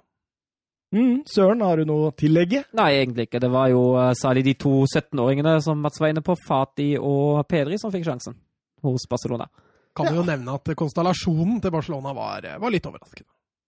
Jeg var litt spent på inngangen. Hvem av laga ville liksom på en måte forsøke å ta Et initiativ? Ja, Eh, eller om det blei safety first på begge lag, men eh, det tok jo bare fem minutter før vi får første kasse, Søren. Ja, det, det, gjorde det. Asensio som trekker ut uh, trekker ut forsvaret bredt idet Benzema har ballen i midten. Uh, Busquets står stille mens Valverde starter et løp mot boksen og får da ballen av Benzema, og så banker han den i uh, motsatt kryss. Altså Der syns jeg det skjer mye Nå, nå bare Unnskyld at jeg ser det mye med Barca-eier, men uh, Det er lov. Vi, vi, vi, vi, er åpne på hva vi heier på her. Uh, og det, altså Der er det så mye følgefeil. Uh, De Jong, som har gått altfor høyt i banen, det er jo han som egentlig skal ligge venstre, gjør at Busquets må skyve altfor langt over. Hadde det vært De Jong i den duellen med Benzema, mm. så hadde ikke det der skjedd. Nei. Og Busquets greier faktisk ikke å ta igjen Benzema, selv om Benzema løper med ball. Og så gjør Piquet den generaltabba ved at han Ja, Men han får jo et valg. Ja, men der er det jo ikke han som skal fram og støtte. Nei, nei. Det er jo Lenglet som skal slippe seg fram, og som skal backa inn og sikre. Ja. Og dette er jo, jeg mener det er en barnefeil altså, av, av Piquet og Lenglet der, som ikke greier å bestemme seg. Men, men var ikke Jeg syns Barcelona-spillere så litt sånn avskrudd ut fra start. Mm. Ja, jeg er enig. Jeg syns eh, Real Madrid starta, starta mye bedre. Uh, det var Altså det så det både i, i spillet mot ballen og i spillet med ballen. Barcelona la seg jo, la seg jo ganske lavt, eller halvlavt, da, men lot Madrid egentlig bygge litt opp som de, som de ønsket fram til, fram til midtstreken. Og så syns jeg heller ikke at de var særlig våkne, som du sier, med ballen. Nei, ja. Så syns jeg Barcelona er blitt fri, altså Det gjelder ikke banekampen her, men, men frispilling når motstander står høyt, gjerne da rett etter å ha vunnet ballen langt tilbake på egen banehalvdel, ja. så syns jeg Barcelona er blitt fryktelig svak. Altså. Ja. De greier ikke å spille seg ut lenger. Nei, absolutt. Og så lenge motstanderen er flink i det høye aggressive presset, så, så sliter man. Men uh, vi fikk jo en uh, El Clásico-historie yngste målskårer eh, når det bare tre minutter etterpå blir 1-1. Enn den klassiske eh, Alba-løpet inn bak rygg. Ja, og han var den store trusselen til Barcelona, egentlig store gjennom kampen òg. Eh, det var de to bekkene, men eh, denne gangen Alba som, eh, som får den i bakrom. og Ansu som greier å komme seg foran Ramos der. Mm. Litt urutinert av Ramos å bruke så lang tid på å jobbe seg inn. Absolutt, absolutt. Eh, Og da sto det jo 1-1, og eh, Nacho eh, Det er svakt, altså. Ja, og det løpet går inn bak der, eh, og spesielt når det er trademark egentlig til Barcelona. eh, Det er der de har vært farligst siste tida, så det er, det er litt svakt, ikke Men, men så kan du ikke nødvendigvis kun skylde på Nacho der, for den, den pasningen bør stoppes før. Mm. Gjennom å sette et press der, før den pasningen kommer. Og da har vi jo fått mål på de to første sjansene egentlig i kampen. Mm. Eh, 22. minutt da, Varan eh, sjanse etter corner. Eh, corner slått inn av Kroos, og Neto løper vel ned Nacho. og Varan får stå og skyte den i Neto og Nacho, eller hva det er, Ja. og ut igjen. Det var en klabb og babb-sjanse, kan vi kalle det. Absolutt. Og, og, og akkurat disse minutta her, 22 til 24, da får vi jo en del målsjanser. Da får vi jo den store til Messi. Og, Bølger det skikkelig. Mm. Messi bør selvfølgelig sette den. Han får den på høyrebeinet sitt der. og det Strålende forsvarsspill. Nå husker jeg ikke hvem det var som, som gjorde det, men, men det å, å få Messi over på sitt høyrebein nei, gjør at det der ikke blir mål. Altså. Og så er Courtois er jo fantastisk på strekk. da. ja, mot én mot Courtois, det, det er ikke lett. altså. det er ikke lett. Lurer på om det var Ramos, ja. Ja, Ramos Jeg kanskje. tror det. Stor Benzema-sjanse bare minuttet etter der òg. Uh... Ja, da var det Mondi som spilte en sterk bakgrunnspasning mot uh, Kroos, og Kroos sterk med første pasning inn mot Benzema. Den skal han egentlig sette. Ja, det er jeg helt enig i. Eh, men samtidig, da, så hvert eneste av disse store målsjansene, så tenkte jeg eh, snarere dårlig forsvarsspill enn bra angrepsspill. For det var liksom alltid noe å ta på. Jeg syns liksom at det, det forsvarsspilleren viste begge lag i denne perioden, da, det var nesten litt sånn Det, det var ikke verdig det nivået. Og så syns jeg, synes jeg lagene i den perioden du snakker Jeg syns jo den varte litt mer enn to minutter. Ja, det bølga jo veldig fram og tilbake. Ja, Men jeg tenkte de største sjansene Ja. var bare på to-tre minutter. ja, det kan godt hende. Men det bølga mer. Det bølga veldig, for ingen av lagene var så veldig interessert. Og det, det var gøy for kampunderholdningsverdien i det. At det, det var to så angrepsvillige lag. Men, eh, men eh, litt overraskende at ingen av lagene ønsket å kontrollere ballen litt Mm. mer i en sånn periode. da. At det var litt sånn gung-how, eh, route one-angrepsspill. og det, det tror jeg tok begge lag litt på senga. At det, det var ønskelig. Og i denne perioden så tenkte jeg i hvert fall at hvorfor kjører ikke Zinedine Zidane Hvorfor bytter han ikke Ascencio og Venitius, sånn at eh, du får mer den breddetrusselen der i det rommet Alba stikker fra hver gang? Men der syns jeg også Valverde var veldig dyktig, da, for den vendinga de fikk fra høyre med de eh, dype løpene til Valverde, som tok så mye oppmerksomhet etter hvert, og den vendinga over da på Venitius Nå var jo Dest fantastisk, da, én mot én Mm. mot, mot Venezia, så Han kledde den jo totalt av. Ja. Men, men fram til da så var det trekket egentlig ganske bra for Real Madrid. Og jeg tror ikke Zidane hadde så lyst til å endre på det. Nei, nei, nei. Selv om Venitius sleit én mot én mot Dest. Og så drar tempoet ned og ut mot pause, da, så er det jo nesten ingenting å snakke om, eller? Nei, jeg kan jo nevne at uh, jeg syns begge lag uh, er mest hissige til å angripe via sin venstre side. Uh, I hvert fall offensivt. Det er jo Alba og Mordi uh, som går ganske høyt opp som, uh, som backer, og bruker veldig mye av den sida, begge to. Kommer Lucas Vasques inn for en skada Nacho? Det kan jo være blessing in the skies, tenker jeg, for Nacho. Han sleit. Ja, han slet virkelig. Ja, han er jo ikke Vaskes eh, sin styrke defensivt heller, da, så han får inn en back som er kanskje ikke noe særlig bedre defensivt, men han får kanskje inn en som kan true mer offensivt. Ja, og det er jo kanskje greit, når likevel Alba hadde såpass god kontroll som det han hadde på Nacho. Og så tenkte jeg var litt overraskende å se at Pedri kom ut på i andre omgang. Ja. Han, han, han, selv om han var OK, vi kan vel være snille med han og si han var OK Ja, da er offensivt, snill, faktisk. men defensivt Altså, måten han stiller kroppen sin på én mot én, eh, timinga når han skal gå opp i press, altså, det var ingenting som stemte. Og hadde ikke Dest hatt en så fantastisk kamp på høyrebekken, så hadde jeg vet ikke, Venitius og Mendy hadde hatt lekestue på venstresida der. Altså. Mm. Så kom man ut i annen omgang, og Real Madrid har åpenbart en plan om å presse litt høyere. Det utnytter Barcelona et par ganger. Ja, jeg syns de ti første minuttene i, andre omgang er eh, blant de bedre i, i Barcelona. og Det gjør at, er fordi kamp, som du sier, kampen åpner seg opp litt. Det blir mer rom for dem å angripe. Eh, Messi også får faktisk litt flere involveringer. Eh, uten at Barca greier å skape det helt store. Ja, men her skulle jeg ønske meg at Ronald Koeman satt på én bakromstrussel til.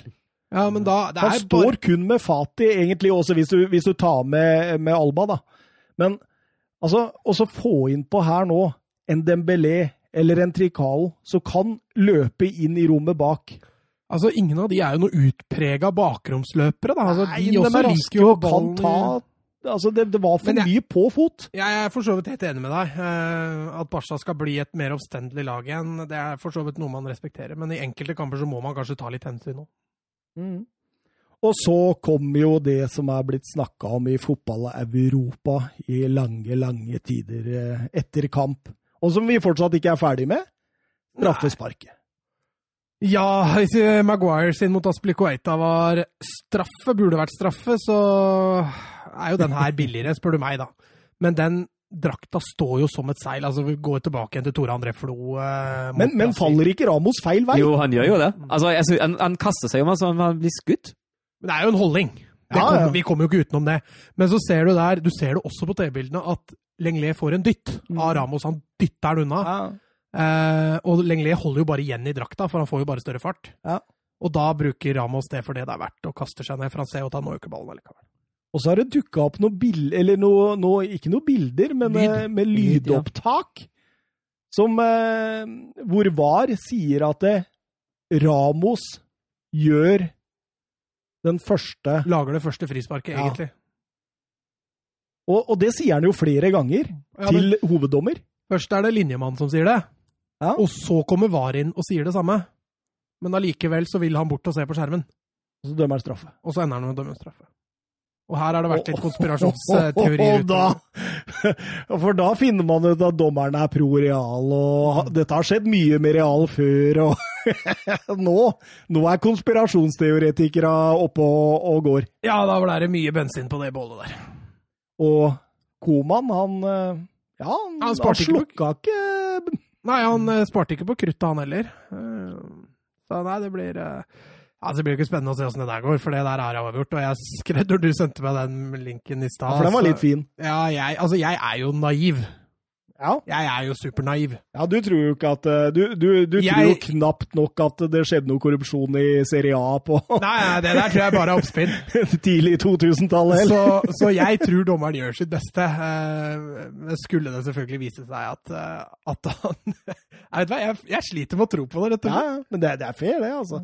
Eh, men Men jeg syns det, det er en billig straffe. Og, og hvis det stemmer, de rapportene som kommer, da, om at han har hatt et visst sånn håndlag i Real Madrid, denne dommeren, at han eh, kanskje er født i en pro eh, Real Madrid-familie og litt sånn, så er det jo først og fremst La Liga som gjør en stor feil her ved å sette opp en sånn dommer til en sånn kamp.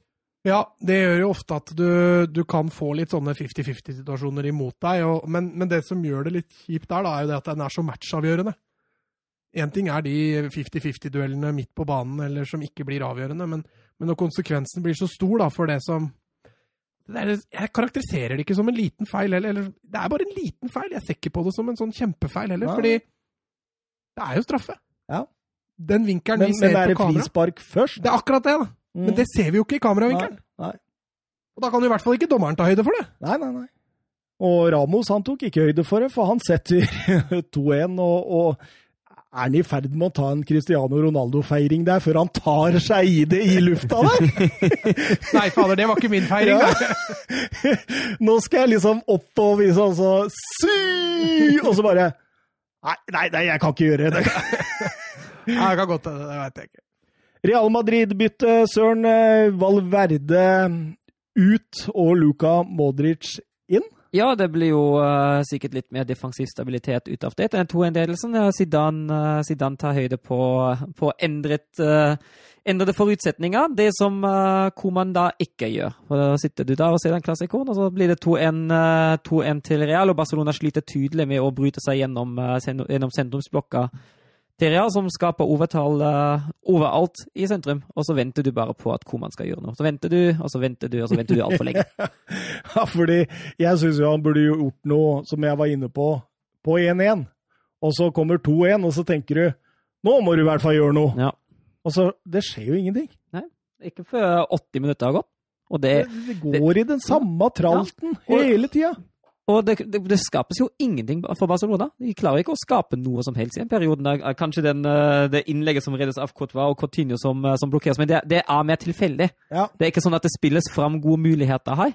Eh, så Barcelona sliter, og Barcelona trenger lag, Du ser det på laget. Laget trenger åpenbart ny input, og så, se, og så sitter Koman ute og glaner og ja. Men etter 80 minutter, da gjør Koman et trippelbytte. Ja, han, øh, han gjør det jo selvfølgelig igjen, da.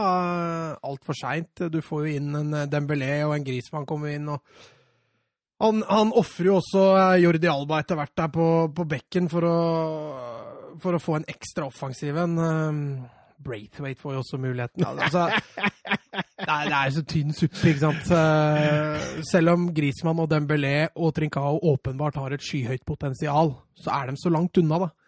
Og du sitter med en følelse selv da når han gjør de byttene at vet du hva, jeg, jeg tror ikke det jeg hjelper noen ting, liksom.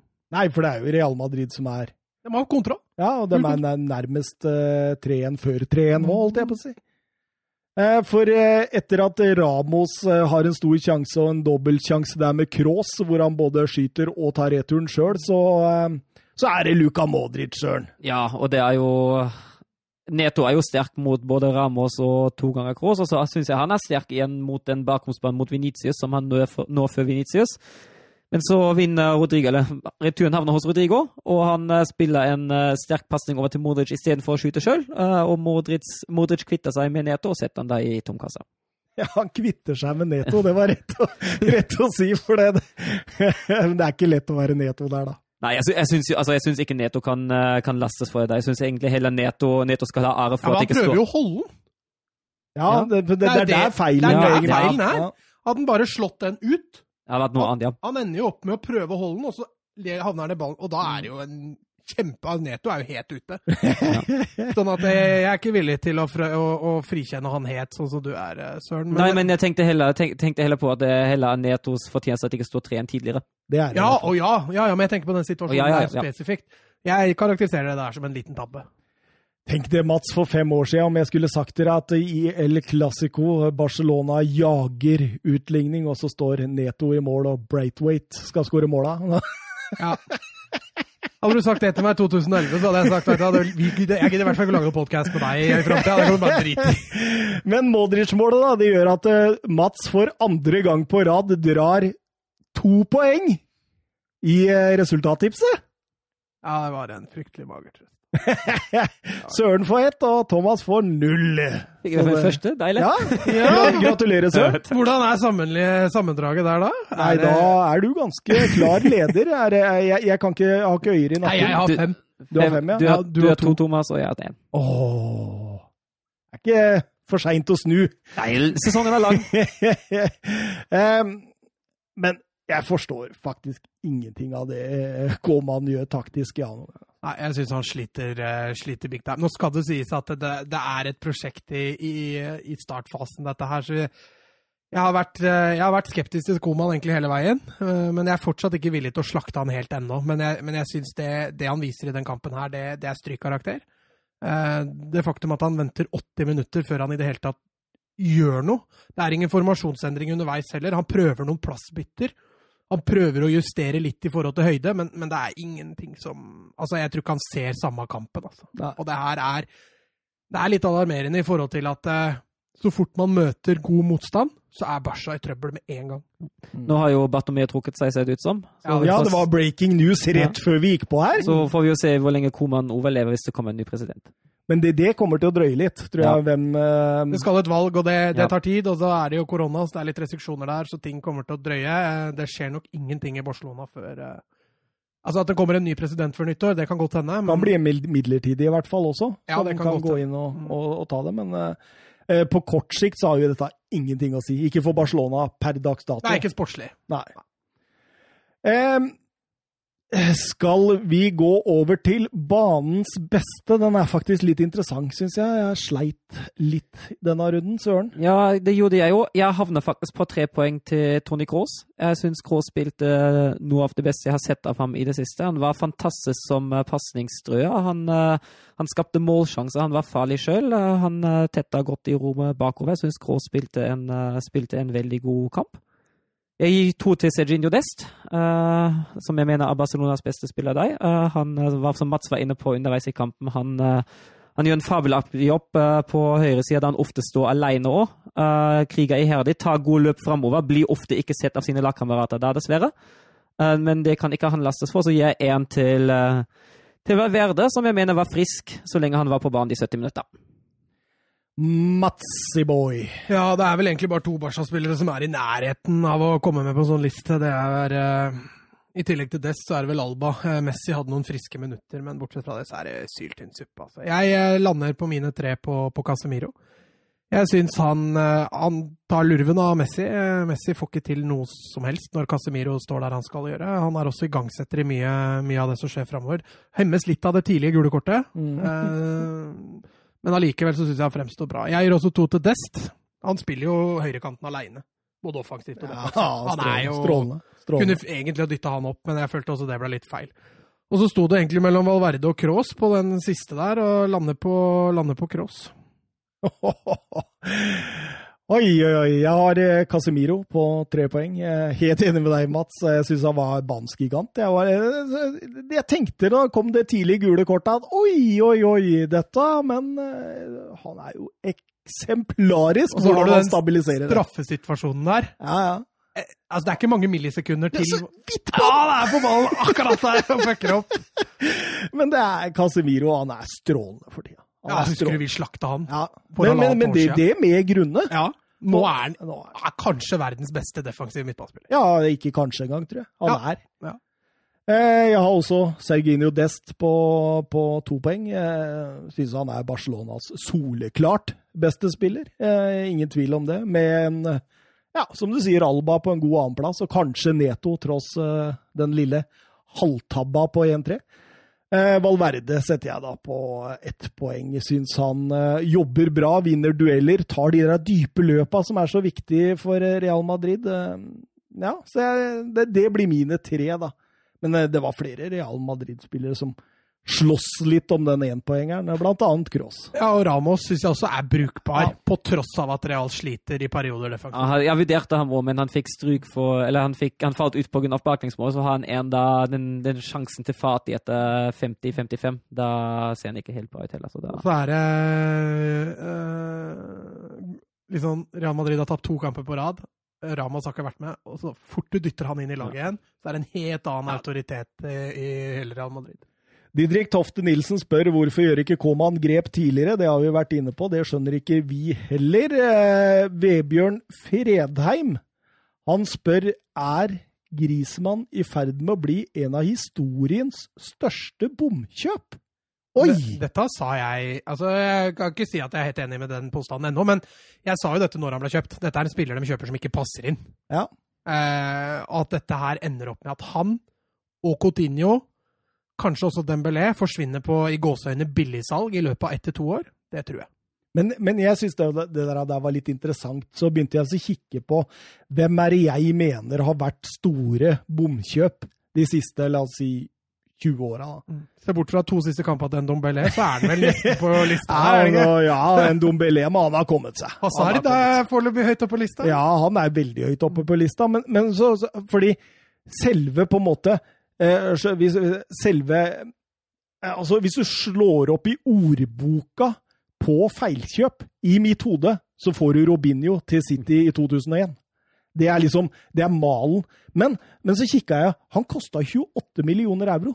Og hvordan skal du måle den tids pengebruk mot dagens pengebruk? For 28 millioner i dag, da får du jo knapt nok råd til uh, ja, hvem som helst i Maguire. du får ikke Maguire engang! Du, du, du, du, får en fjerdedel Maguire. Du, får venstrebeina hans. så, men så kikka jeg litt, og og så kommer jeg på historiens da, hvis, hvis vi tar sånn, Men da må vi tenke litt sånn pengesum og sånn, så er det Di Maria til Manchester United for 60. Den, den, er, den er tung. Ja, den uh, henger høyt. Ja. Og så tenker jeg nå Pogba også, som ble gitt bort gratis, henta tilbake for nesten 90. Den er også ganske heavy nå, eller? Ja, med tanke på det han har fått til så langt. Ja, Han, Altså, han har vært der i fire år nå. Ja, så er han jo en skygge av det vi forventa. Så han også bør henge høyt, ja. United står høyt på lista di, med andre ord. Ja, ja, jeg har noen andre på lista her òg, som ikke er United. Eh, Maguire, Maguire altså. Ja, jeg har på det neste jeg så var Veron til United.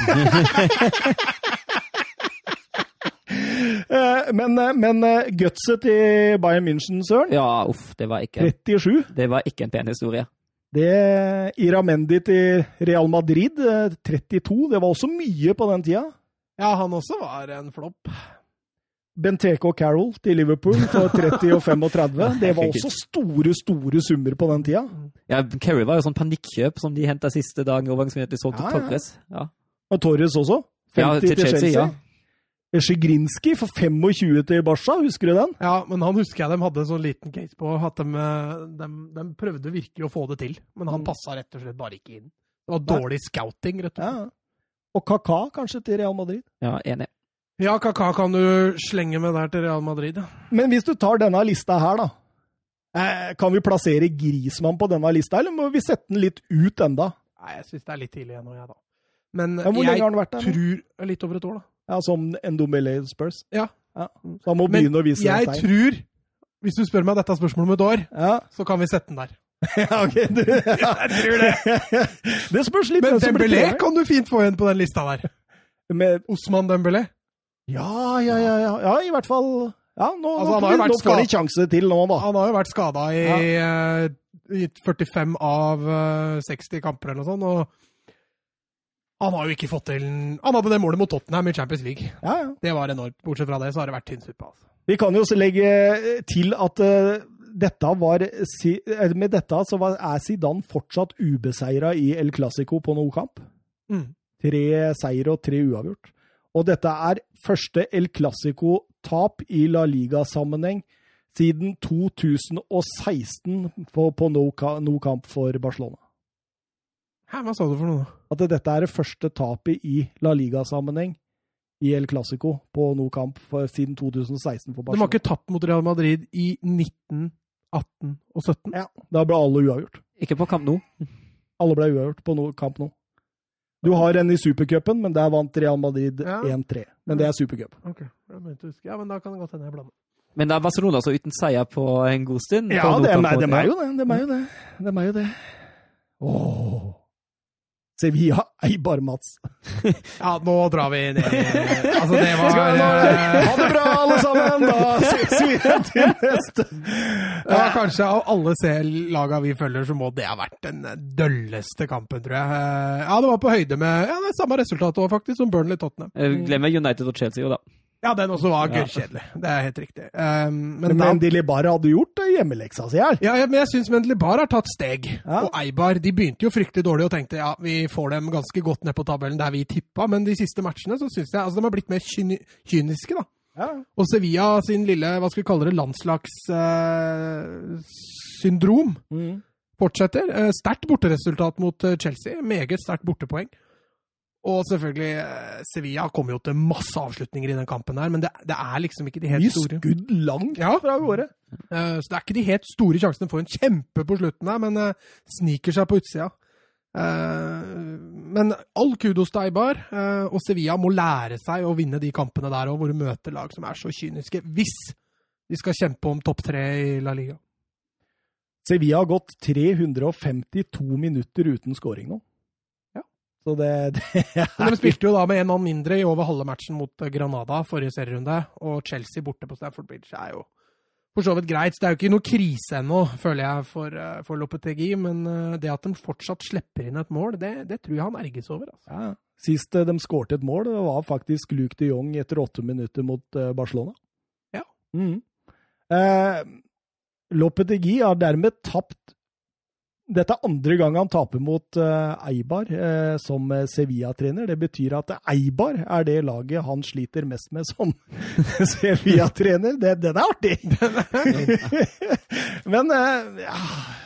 Nei, det er faktisk ikke så jækla mye mer å si om den kampen. Altså. Det er det var litt, det var litt, det var litt døll kamp. Kondé er fortsatt ute med covid-19. Det kan ja. godt hende ha litt å si for tryggheten bak der. Altså, Carlos og Kondé har vært fantastiske i starten av sesongen. Nå har det vært var det Sergio Gomez den, den matchen her. Eh, El Nisiri var inne, brant jo en kjempekjanse. Bør kanskje ta og hviles igjen. Og Fernando var, eh, var ute, så det mangler litt grann uh, Sevilla på, på, spillerne. Men fortsatt så bør Eibar hjemme slås ti av ti ganger. Atletico Madrid Real Betis, da. Det var en forferdelig førsteomgang av ja, Atletico Madrid. Ja, men uh, andre omgang tok seg veldig opp, da. Eller litt, i hvert fall. Uh, jeg syns jo etter, etter 1-0 Atletico det klart beste laget utpå da, og 1-0 er jo en uh, kjempefin skåring. Ja, og den, den, skjedde vel 19 sekunder ut i annen omgang òg, men, men, men, det der er førsteomgangen, altså. Altså, jeg, jeg fikk helt mark av, av Atletico Madrid taktisk, altså. Det er, det er liksom, vi lar Betis ha ballen. De kan gjerne spille oss lave. Vi angriper kun når de er i ubalanse. Og hvis de er i balanse, så bare gir vi ballen fra oss igjen. Det er liksom ja, jeg har sagt det før. Jeg tror Atletico Madrid er det eneste laget i hele verden som er komfortable med å være under press. Altså. Ja, det, det, virker sånn. Og, og, det er jo, Betis har vel kanskje én stor sjanse i første omgang der. Uh, selv om de har en del ball, selv om det er de som har initiativ i kampen, så kommer de jo ikke til noe Og det er selvfølgelig kjempefrustrerende å se på. Ja. Men uh, det kan godt hende at det lå litt i bakhodet at de ble karnøfla av, av Bayern München i midtuka, da. Og det kan jo Ja, der er de jo en av mange, da, siste året. Men det er klart de hadde kanskje litt større forventninger til seg sjøl når de gikk inn i den kampen. Eh, desto mer skuffende er det at de ikke skyter ut av startblokkene mot Betis. Altså. Men som Søren sier, annenomgangen, da er det egentlig bare å legge notatene fra første omgang vekk, og så er det en helt ny kamp. Ja, eh, det virker jo nesten som, eh, som at det kan ha noe for seg, det du nevner om den Bayern-kampen. Fordi det virker som at Atletico får veldig selvtillit av å få den 1-0-skåringa, mm. og føler at nå er vi på rett spor, nå går dette her vår vei, og nå kjører vi på. Og så er de jo så trygge når de tar ledelsen 1-0. De, de veit jo nøyaktig hva de skal gjøre. og Diego Simione han, han jeg, tror, jeg, tror, ikke det finnes en trener i verden som er gladere å lede 1-0. Nei, Det må være Mourinho, da. Jeg tror de er Ja, men altså, på, på, på, på, dokumentaren så var det jo stort sett hver gang Tottenham leda med ett mål, så ropte jo Mourinho i pausa til ett mål. Det har ingenting å si i Premier League. Vi må gå for to, vi må gå for tre. Det sa han jo i dokumentaren. Ja, men det er utad, vet du. Han, eh, ja, men nei, det er utad. Han sier jo innad! Han sier jo i pausa til spillere! Mats. Jo, men når han har lagt en taktisk genial Han, han, sier, han, han, han sier, til dokument... Akkurat nå så spiller vi ett minutt her hvor jeg sier det. Og så Spillere, glem det jeg sa nå! Det var til dokumentaren Amazon! Men, men det skal jo Akkurat det jeg tror det var. Men det skal jo sies at Simione, altså Atletico legger seg jo ikke ned til ende som de pleier å gjøre ellers. De jakter jo 2-0 og har jo sjanser. Ja, jeg syns det. Syns det. Og så hjelper jo Martin Montoya dem. Og... Ja, veldig jo. ja, det blir jo først et gult, og så blir de omgjort der etter å ha vært og titta på, titta på skjerm. Fryktelig. Endelig sjansen fra start, og så ja, han har vært i to ganger covid-karantene. Han ja. har vært i ti dager, pluss ti dager. For først så var det vel en eller annen kompis, og så var det kompis av mora eller et eller annet sånt. Så liksom, og så går han rett i en fotballkarantene. han lever i karantene, det Og dette si. var jo debuten, så Stakkars mann til Martin Montoya. Men, men jeg synes, og, Luis Suárez da, han kommer på skåringslista, er dermed toppskårer i La Liga. På, ja. på delt med noen andre. Han er uh, Ja, hva skal vi si? Altså, han er jo Suárez, da. Det men så du den farta han hadde på Han løper ikke stor fortere nå enn en gjennomsnittlig sjuendeklassing, tror jeg. eller noe. Nei, altså du kan jo nevne at det er ganske mange på fire mål i, ja. i La Liga. Men uh, Luis Suárez har spilt færrest minutter av dem. Så, Så dermed er han Derfor er han på topp, ja. Mm. Fiffig, fiffig. Oh, Atletico Madrid, 21 uten tap i La Liga nå. Ja, og det er ganske sterkt, for det vi har jo svartmalt dem litt tidligere i, eh, i sesongen, men, men, skulle Atletico Madrid gå hen og vinne de to hengekampene sine, så leder de La Liga. Mm. De har det faktisk i egne hender. altså. Det det, du, du svartebaler dem litt når det er 0-0, veldig ofte. Mm. Og så får de det 1-0-målet, så er mye gjort for tre poeng. Og som Søren påpekte i quizen, så er de det eneste ubeseira laget i, i La Liga så langt, selv om de da sammen med Barca og Elche kun har spilt fem kamper. Og Sevilla. Og Oblak han har eh, holdt fire clean sheet allerede i La Liga. Ja, Han fortsetter der han alltid har vært. Kan du nevne da 12., 13. og 14. plassen i La Liga er Barcelona, Sevilla, Valencia. Det er, en, det er en kraftig nedre halvdel på La Liga. Men så er det sånn noen har spilt sju, og noen har spilt fem og sånt. Er Ja, ikke da, og det- veldig To av de tre jeg nevner der, har jo spilt fem, så det holder jo bare med et par seire. Barcelona, og selv om de nå har hatt eh, to strake tap, så skulle de vinne begge de to kampene, så er de jo bare poenget bak Sociedad som, som leder. Så det er ikke helt over. Ai, ai. Bayern München, Frankfurt. Ja, det ble jo en uh, overhøvling til slutt. Eh, Frankfurt har vunnet én kamp i Bundesliga mot eh, Bayern München borte siden 1976. det er sterkt. Det, det var i 99-2000-sesongen, hvor Jan Åge Fjørtoft Ja. skårte et av måla for eh, Frankfurt. Ja, ja. Og det ble, det ble tatt opp i Viasat-studio. Hva sa du for noe? De har ikke vunnet der siden 1976? Nei, én gang siden kamp. Å ja, de har vunnet én Ja. kamp siden 1976, ja. Og da skårte Fjøra. Jeg jeg husker også en kamp for eh, må ha vært rundt ti år siden, da de hadde, Bayern hadde 33 eller 36 skudd på mål, og så var Frankfurt-keeperen Åka Nikolov i fantastisk forfatning og redde absolutt alt som kom. Men uh, det var ikke denne gangen. Det, altså, jeg, jeg syns jo, jeg syns jo Frankfurt, eh, Frankfurt går jo eh, går jo høyt opp, går jo høyt ut i starten, og Bayern er ikke feilfrie. Men så snart de setter, setter 1-0 og 2-0, da er egentlig kampen gjort. Det er jo nettopp det. De har jo en Robert Lewandowski som går på vann for tida, altså. Ja, det gjør altså ti mål etter fem kamper. Det har ingen klart før. Det er ny rekord i Bundesliga. Som var hans egen fra før av. Ja, stemmer det. Fra i fjor, så han, han, er, han har jo ikke mista det, for å si det sånn. Nei, Uh, og så ser du jo Frankfurt de er, altså de er fryktelig svake sentralt i forsvaret. Da er det jo mye som ikke stemmer. Han kommer seg jo altfor lett gjennom der, på, på både 1-0 og 3-0.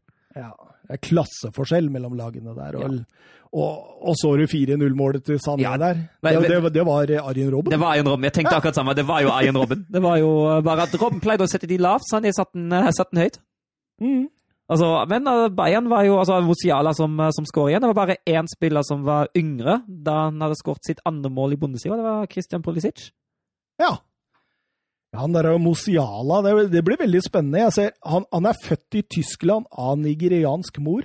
Og så dro han tidlig til England og til Chelsea-akademiet. Han har landskamper for England U16 og U17, men eh, kan fortsatt velge enten Tyskland, Nigeria eller England på A-landslagsnivå. Det, det blir en dragkamp, tror jeg. Tøft valg å ta. Ja, det er, det er et veldig tøft valg å ta. Eh, Han har aldri bodd i Nigeria. Nei, så jeg tror kanskje den kan Han føler seg mest tysk eller engelsk. Ja, det tror jeg nok. Tror jeg nok. Det er litt vanskelig å si. Jeg kjenner ja, ikke Musiala personlig. Nei, du gjør ikke det, nei. Nei. Jeg tenkte du kunne jo prøvd å få den som gjest her en gang. My name is Musiala. Ich, ich heiße. ja men, men, det, men det er jo absolutt en veldig spennende spiller. Er veldig gøy å se at uh, selv i Bayerns stjernegalleri får fortsatt unge spillere muligheten til å, til å vise seg litt fram. Det er, det er morsomt, syns jeg. Men uh, Så, sånn, så, og, og det må det, tenker jeg, Ja. i en sånn storklubb som Ja. Bayern München. Men det, det- må det, liksom. det- Det, det var- er, det, er, ikke noe vei utenom. Nei, men det var perioder der Bayern var veldig svake på det, å gi uh, unge spillere sjanse. Og nå kan jo hende at det var svake årganger da òg, det er jo vanskelig å bedømme. Men nå får i hvert fall unge spillere sjanse. Så har jo andre lag hadde jo nettopp vunnet uh, tredje liga òg. Så det er klart at det, det er- kommer sterkt fra akademia. Uh, men Kimmich, han uh, etter kampen han var ikke sånn superfornøyd. Han syntes Bayern gjorde, gjorde en del feil til tross for, for 5-0-seieren. Og det, det er fint. Det viser jo at de uh, Det er sånn Ja, vinnerskaller. som vi, sier, vi, jeg er ikke Kimmich. fornøyd med 5-0. Nei, han har var, mer. han er misfornøyd med pasningsfeil og ufokusertheten i særlig i begynnelsen. Har Mark Rocca fått spille nå, eller? Nei, det tror jeg ikke. Tror jeg ikke. Men, eh, men Alfonso Davies han fikk spille to minutter. Ja, og det så, det så ikke bra ut, den, den ankelen der, altså. Nei, 68 uker, sa Flikk. Oh. 68 uker! Å, fy fader, det er lenge! Seks til åtte! 68. Mainz, Borussia München-Gladbach, Søren. Ja, og da var, det var jo en, eh, en av de morsomme kampene den helgen her, vil jeg si. Uh, Mönchenglattberg forandret jo mye. uh, i startelven sammenlignet med sist. Det var blant annet Rico Reitz, 18 år gammel fra eget akademi. Medlem i klubben siden fødselen, som fikk debutere sentralt på midtbanen. Oi, oi, oi. Veldig spennende. Um, men jeg syns jo altså, Mainz har jo ikke tatt poeng så langt i Bundesliga, men jeg syns den kampen egentlig er ganske jevn, i hvert fall i starten. Steg i riktig retning der, altså. Ja, for Mainz definitivt. Jeg syns Mainz godt kunne ha fortjent å ta med seg, ta med seg poeng her også. Det, til, altså, til pause så syns jeg for så vidt det. Fordi han, eh, de, de sleit voldsomt med fysikken til Mateta baki der. Ja.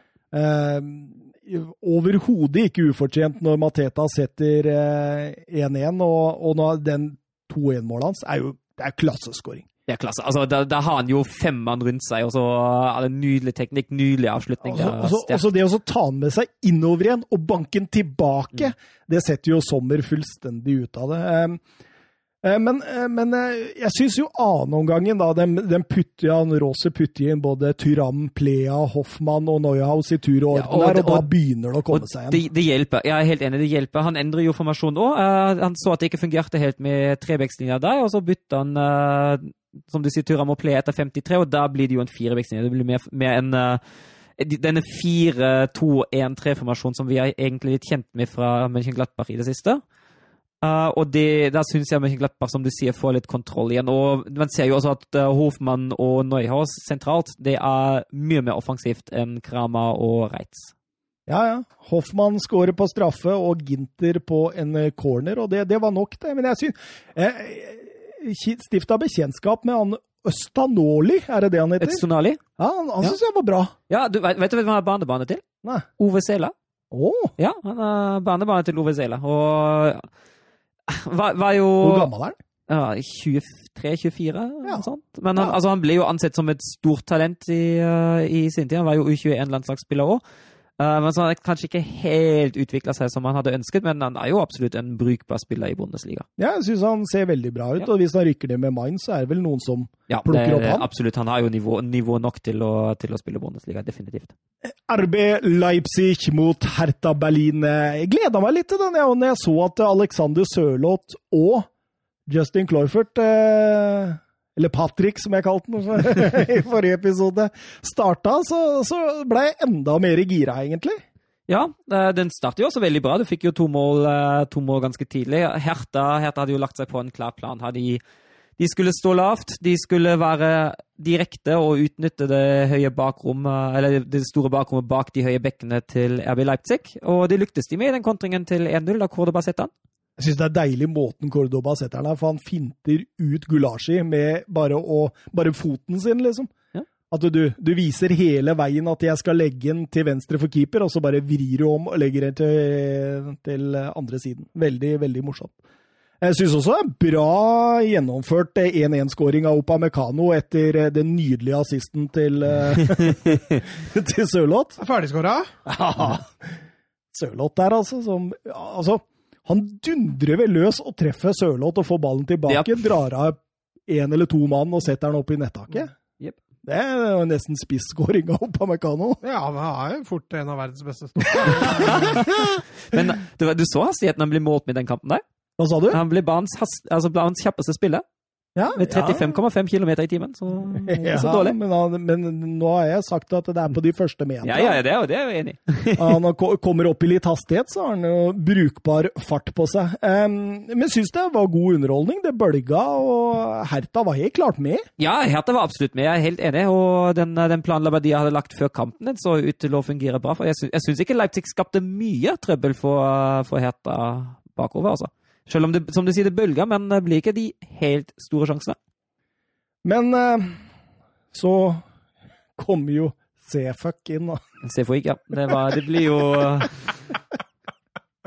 Og han C-fucka det fullstendig. ja, det, Og det, det, blir jo, det, blir jo det som dreper matchen for, for Hertha. Eh, dessverre for Hertha. Er andre gule kort etter kommer inn til pausen for Pekarik, som sliter, sliter med muskelen. Så får han to gule kort i løpet av fire minutter. Det er jo uh... Hva er det du ler av, Mats? Måten du uttalte C-fuck. ja, men det var jo et ordspill her, da. Eh, Altså, det er jo, det er jo bare Søren prøver å redde det i dag. Søren prøver å være Han prøver å være så seriøs, og så sitter vi to og bare kløner. Stakkars Søren. Du har det hardt, Søren. Nei da, det går fint. Nei, det er tøft å sitte her med to sånne klovner som oss. Veldig. Det er ikke mer som skal til det et i navn, så er, er det hele dagen redda.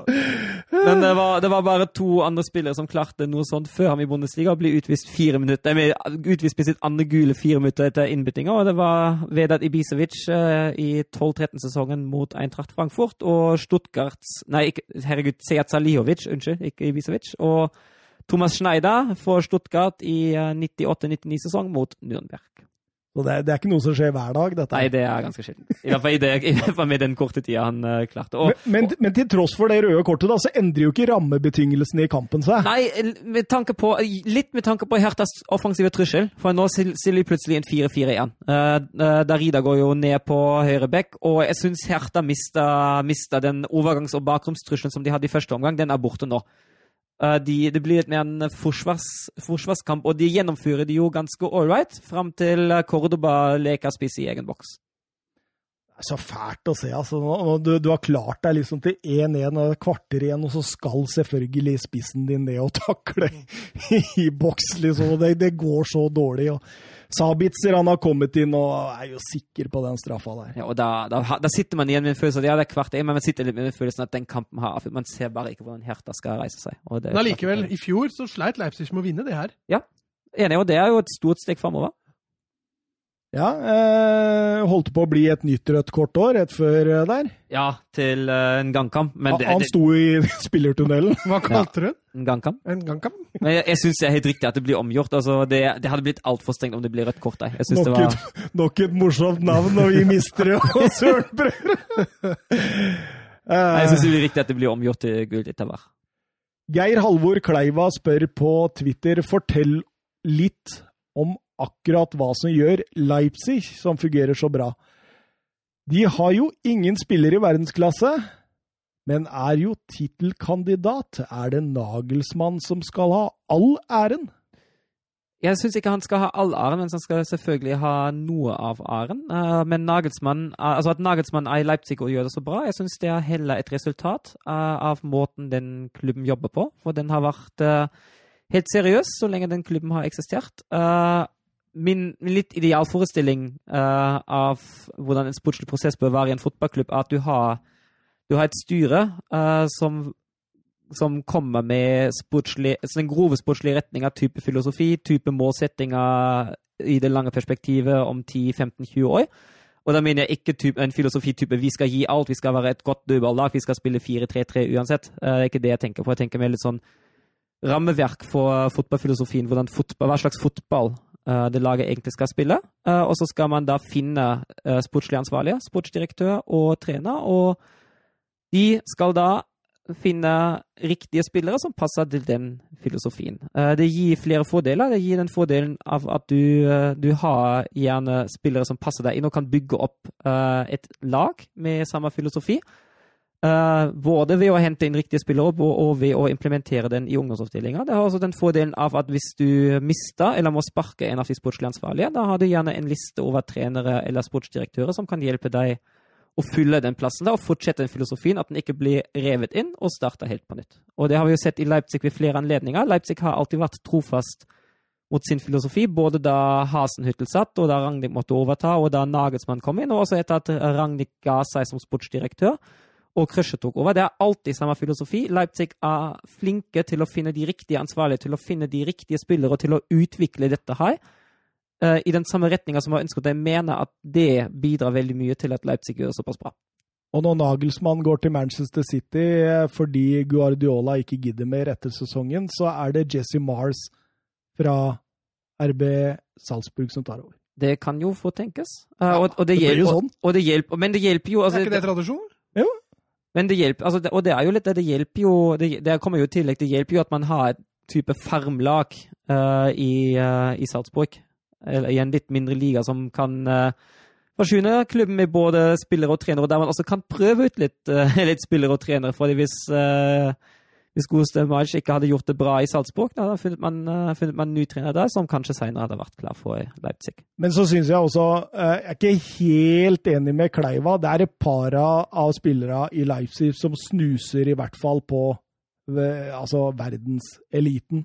Og Ja. da tenker jeg først og fremst Sabitzer. Ja, Sabitzer er jo fantastisk. For en spiller. Jeg har veldig stor sans for Sabitzer måten han fram... Altså, det, jeg mener at det er en spiller uten virkelig klare svakheter, som virkelig er sterk i den sentrale posisjonen, som er fleksibel, som er fotballsmart, eh, og som er en god kaptein for dette laget, og løfter det sportslig et par hakk når han er på banen. Absolutt. absolutt. Jeg syns han er helt strålende. Han, han, er kanskje en av de mest på en måte undervurderte spillere i forhold til fordi så lenge han er i, i Leipzig, sånn, så vil aldri man ta han opp på det nivået liksom blant de aller, aller største. Fordi altså, Leipzig er jo basert på, eh, på, på et lag. Ikke Ja. sant? Altså, Du har ikke den eneren som i Messi i Barcelona, eller Son i Tottenham, kanskje Kane. Altså, Men Salah i Liverpool Du har de der enere som stikker av gårde, ikke sant? Ja, og så har du jo, altså det, jo det, det som kommer i tillegg at Leipzig er jo, er jo igjen en klubb. altså De har jo, de har jo veldig veldig mye penger. Eh, Men de velger da å investere penger ikke i ferdige spillere, men gjerne i unge spillere, og utvikle de heller sjøl. og det, det, altså det er jo klart, de skaper ikke de store overskriftene når de utvikler en Sabitza sjøl fra bunnen av i sin egen klubb, uh, så må de kjøpe da en ferdig, god midtbanespiller. Deilig, deilig. Dortmund, Schalke. Åh, Revier-derby, eller Revir-derby, er det det? Det er Revier Derby ja. Ja, til det- 97. oppgjøret. Det er ganske jevnt. 34 Dortmund-seiere, 32 Schalke-seiere og 30 uavgjort. Ja, men uh, selveste kampene var jo ikke jevn. Uh, Schalke var jo fra, fra første sekund ute etter det destruktive. De stiller seg jo i en, eh, i en eh, 5-3-2 eh, 5-3-2-formasjon eh, og prøve å ødelegge. Og jeg tror hvis en kamp har enda 0-0, da er de glade og fornøyde. De, de gikk utvilsomt for det. Det lå dypt komprimert. eh, Helt klart bevisst på at de absolutt ikke skulle gi Dortmund noen bakrom i det hele tatt. Nei? Og, og, og det, det, er- jo klart at det er jo fornuftig tankegang, det, når du går til eh, kamp eh, på Signal i Duna Park. Ja, og det kan jo, kan jo sies at eh, man løper ikke i hvert fall som, som under David Wagner mot Bayern München i, i det høye presset og få 80 i sekken. Det ja, er jo også en form for framskritt, det. Men så, men så ut i annen omgang der så kommer jo målet, Ja, som åpner litt opp. Og det er akkurat det, det åpner litt opp. Og jeg, jeg, jeg tenkte på en, litt, på en litt annen kamp der, som jeg hadde sett av Dortmund nylig. Det var den mot Freiborg, der, Freib der Dortmund slet i en halvtime mot, uh, mot Freiborgs gode, solide forsvarsarbeid. Det er en individuell feil sørger for at Dortmund får 1-0, og så blir det enveiskjøring. Og det blir jo litt sånn her òg, for nå har Kanji sette da 1-0 etter corner. Da sprekker det hos Schalke, og det ser du på 2-0-skåringa. Schalke lå hele tida kompakt med sine tre sentrale midtbanespillere foran, forsvars, eh, foran forsvarsfemmeren for å ikke tillate Dortmund ro, eh, ball i dette rommet der.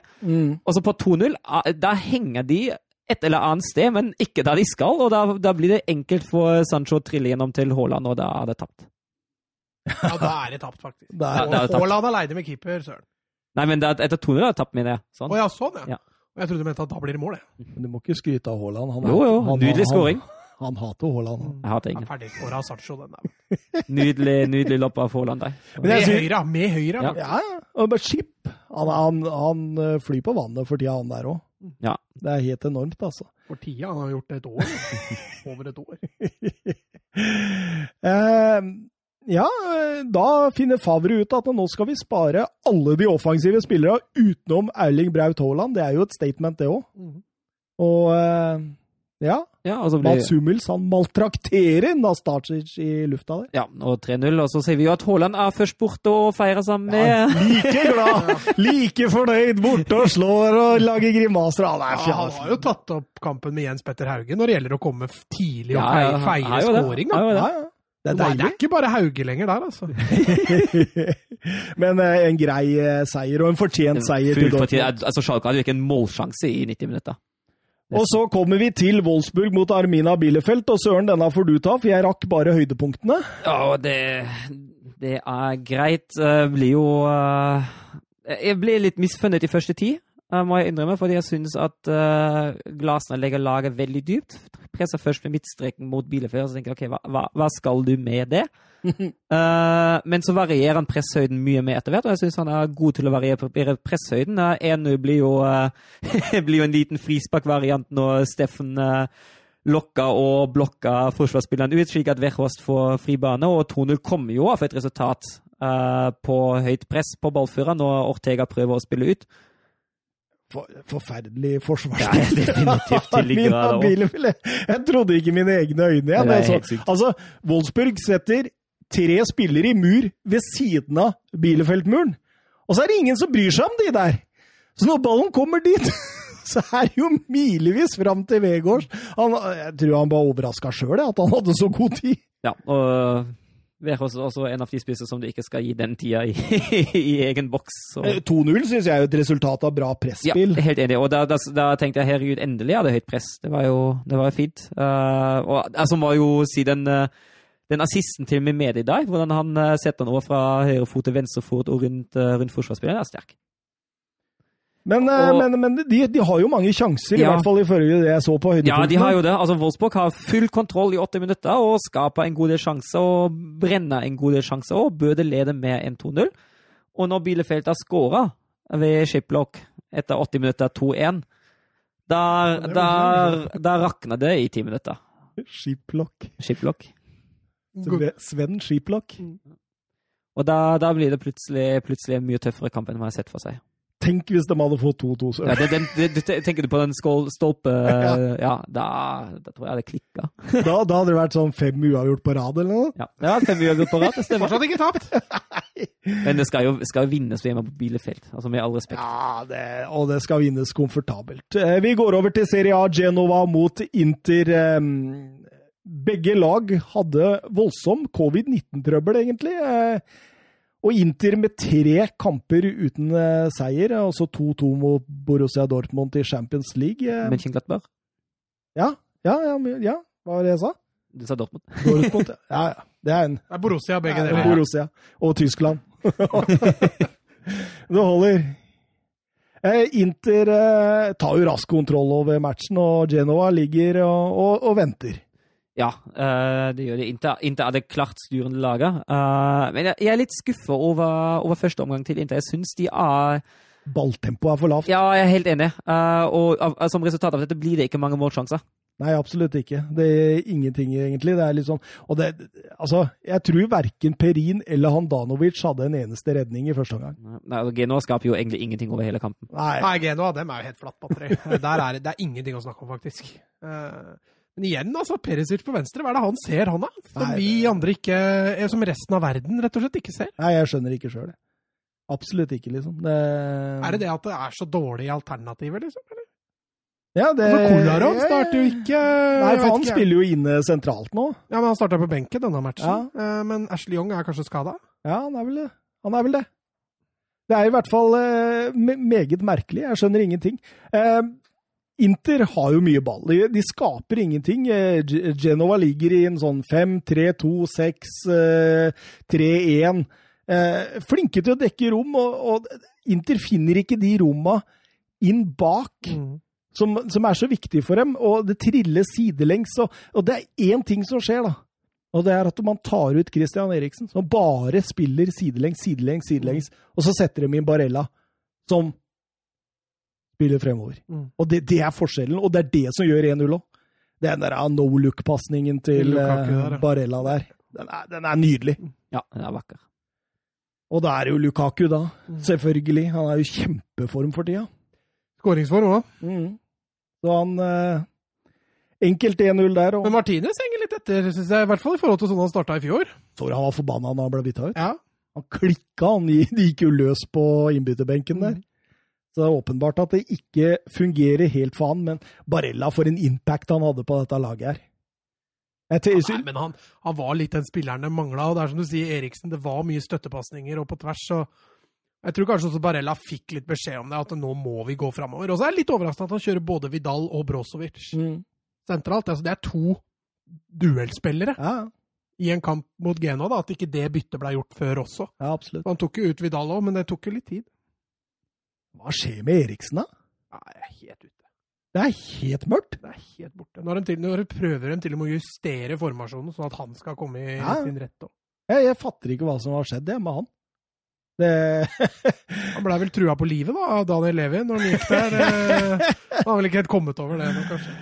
Eh, Di Ambrosio skårer 2-0 eh, ti minutter før slutt der. Eh, Brozovic corner som flikkes av Ranocchia, og Di Ambrosio setter 2-0 fra to meters hold der. og eh, Det var nok, det, for Inter. Gameset match. Vi rusler videre til Juventus mot eh, Hellas Verona, et Juventus-lag som skulle få det atskillig tøffere. Enn forventa, ja. Ja. Eh, Cristiano Ronaldo fortsatt i, i karantene. Stjernespiss Morata fortsatt på banen. Mm. Eh, men Juventus de sleit. De havna under 1-0 òg. Jeg så førsteomgangen der, så tenkte jeg ja, Vi kalte dem en sånn mini-Atalanta, og, og jeg skjønner hvorfor. Det er ganske likt. da, sånn Energifullt, høyt press, god til å variere press, og veldig sånn flott omstillingsfotball. Hvor man liksom går fra å være helt ned til å bare eksplodere. Og så ser du de spiller så Det er så mye likt, da. De samme bevegelsene, samme eh, defensive mønstre, det Mm. samme innstillinga når du vinner ball. Altså, det er mye likt der, altså. Ja, absolutt. Eh, skal sies at eh, Morata han må være verdensmester i å få mål annullert av VAR. Altså. Det var veldig jevnt òg, men uh, Hvor mange ganger har Morata jubla, og så har VAR Tatt, det fram. Nei, det har jeg ikke telt, ass. Slipper med skrekken der. Marginal offside på Morata, og da er det 0-0 til pause. altså, Cuadrado satt jo en i tverrliga nå. Ja, det var skudd. Det var knallhardt. Han skulle det. Skøyt han skøyt der, så. En stillingskrig utover i annen omgangen, og så kommer målet fra Andrea Favilli. Ja, og en fryktelig feilpassing av Benedeschi der. Absolutt. Herregud, altså, det går ikke på det nivået der. Absolutt ikke. Har ikke vi slakta han før? Jo, vi har det. Vi har flere ganger. Ja, Og så får han fortsatt sjansen av Pirlo. Da. Men han Mathias Sakagni, han syns jeg var strålende. Og, og måten han setter opp på der, og Favelli som bare setter han opp i hjørnet. Det er, det, er, det er fint mål. Det er bra omstillingsfotball, nok en gang. Og, ehm, men etter det så er det jo Juventus-press. eh, da, da skal de framover på banen, for å si det sånn. Ja, men jeg syns også Hellas Verona om ikke, Vi kan ikke si at de legger seg, men, men de blir litt mer passive. De gjør det. De, De, gjør det. det. de lar seg prege av egen scoring der. altså. Har jo ny i tverra òg, Dybala der. Kulusevski har noen, eh, Morata har noen før Kulusevski setter 1-1. Ja, eh, sterk enkeltmannsprestasjon. Uh, og så er det litt, litt naivt forsvarsspill i tillegg. Det må være lov å si. Ukas talent for Mats for eh, en god, god stund siden. Han har slått gjennom, han. Ja, Vi kunne hatt på svensk nisselue også, fordi eh, de har det ålreit i Sverige, spesielt i Serie A. altså. De har en eh, stor svenske i, i Milan nå som er brukbar for tida. Men altså Sverige eier Serie A. Ja, de eier Serie A, det er helt riktig. De har så mange snille mennesker i serien. Verdens snilleste menn. Ja, Verdens snilleste menn. De har flertall. dem. Nei, altså, altså er det jo utover, utover i kampen er det jo Silvestre særlig som, uh, som redda da det ene poenget til Verona. Dette var faktisk to lag som begge har i løpet av sesongen fått tre poeng uten å ha vunnet. Hvis du skjønner hva jeg mener? Altså Juventus-Napoli. Eh, Napoli møtte jo ikke opp, og Juventus fikk tre poeng. ja, sånn. Hellas Verona um, fikk jo tre poeng etter 0-0-kampen mot Roma pga. Diawara ikke var spillerberettiga. Ja, stemmer. Så, eh, så, så Hellas Verona kom til denne kampen med sju poeng og ett skåra mål. Det er ikke så mange som har klart det! Det er sterkt! og um, ja, eh, Andrea Favelli han er den første siden man i alle fall eh, 94-95-sesongen eh, kommer inn i en Serie A-kamp, skårer og blir bytta ut på mindre enn ti minutter, ifølge Oppda. Det er jo noe å ta med seg, det. Ja. Fikk en skade der. Ai, ai, ai. Juventus har ikke vunnet i Serie A-serie siden serieåpninga. Eh, sliter litt han eh, Pirlo. Siden serieåpninga. Å ja, for den fikk jo tre poeng mot Napoli. ja, nok en gang. Det er nå vi skulle ta ti spørsmål! Vi kan avslutte med en fem spørsmål-konkurranse. Eh, siste kamp, Milan-Roma, det var et fyrverkeri. Ja, det er skikkelig morsomt. Og en, en, eh, en ny slatanisering. Det skal sies at eh, Milan eh, hadde Donnaroma og Jens Petter Hauge på en eh, covid-19-kur. Ja, den siste der er tap, altså. Ja, ja, ja, for han tar Tarusanu. Han, det var vel han som slapp inn fire mål for Norge på Jeg snakker om Hauge. Ja, okay, Det var han ja. som var sistemann du ja, ja, jeg trodde du mente Donnaroma, jeg. Ja, For, for det er faktisk et tap! Men hvordan skal Milan klare seg uten han som alltid er først borte og feirer med dem? Ja, nei, det spørs. Det blir ikke noe feiring, i hvert fall. Ja, ja. Zlatan i hvert fall, han uh, lot seg ikke prege at uh, Jens Petter Hauge ikke var borte. det er sterkt gjort der, og så møte han foran keeper der, og så få, Ja. flikka han inn Men der. sterkt av Leo også. Jeg synes han, eh, han spilte en strålende kamp. Han hadde jo to assister, to virkelig gode assister. Mm. eh, da han setter opp både, både Zlatan rett, eh, rett etter avspark og Salamakas rett etter avspark til andre omgang. Men Leao og, og Ibra ser ut til å ha et ålreit samarbeid, dem òg. De forstår hverandre bra, de. Fått Leao ut på den venstresida der i den eh, 4-2-3-1, og så fòre Ibra. Det passer jo med supersvensken godt. Ja, så er han bra fysisk, han Leao også. Du kan eh, fint dytte inn han. Mm. Lenger vei for Hauge, da, fram til dette startelveren. Men uh, Tatarasanu var på 1-1. da. Ja, herregud, det er jo fryktelig svakt. Det Den hadde ikke Donnaroma Nei, gjort. nei, ikke det heller. feilberegner jo kolossalt der, det innlegget til konene som kommer. Tidenes bærtur, eller? Det ble mye bær på den turen. Går til pause med 1-1, da, selv om jeg syns Milan var det beste laget. Og eh, de tar fort ledelsen 2-1 rett etter pause der, med Seilemakers, som begynner å, å få et slags gjennombrudd, eller? Ja, han starta jo en del kamper i fjor òg, spesielt etter koronaen. Så fikk han en del tillit, men, og det har han jo bare fortsatt med nå.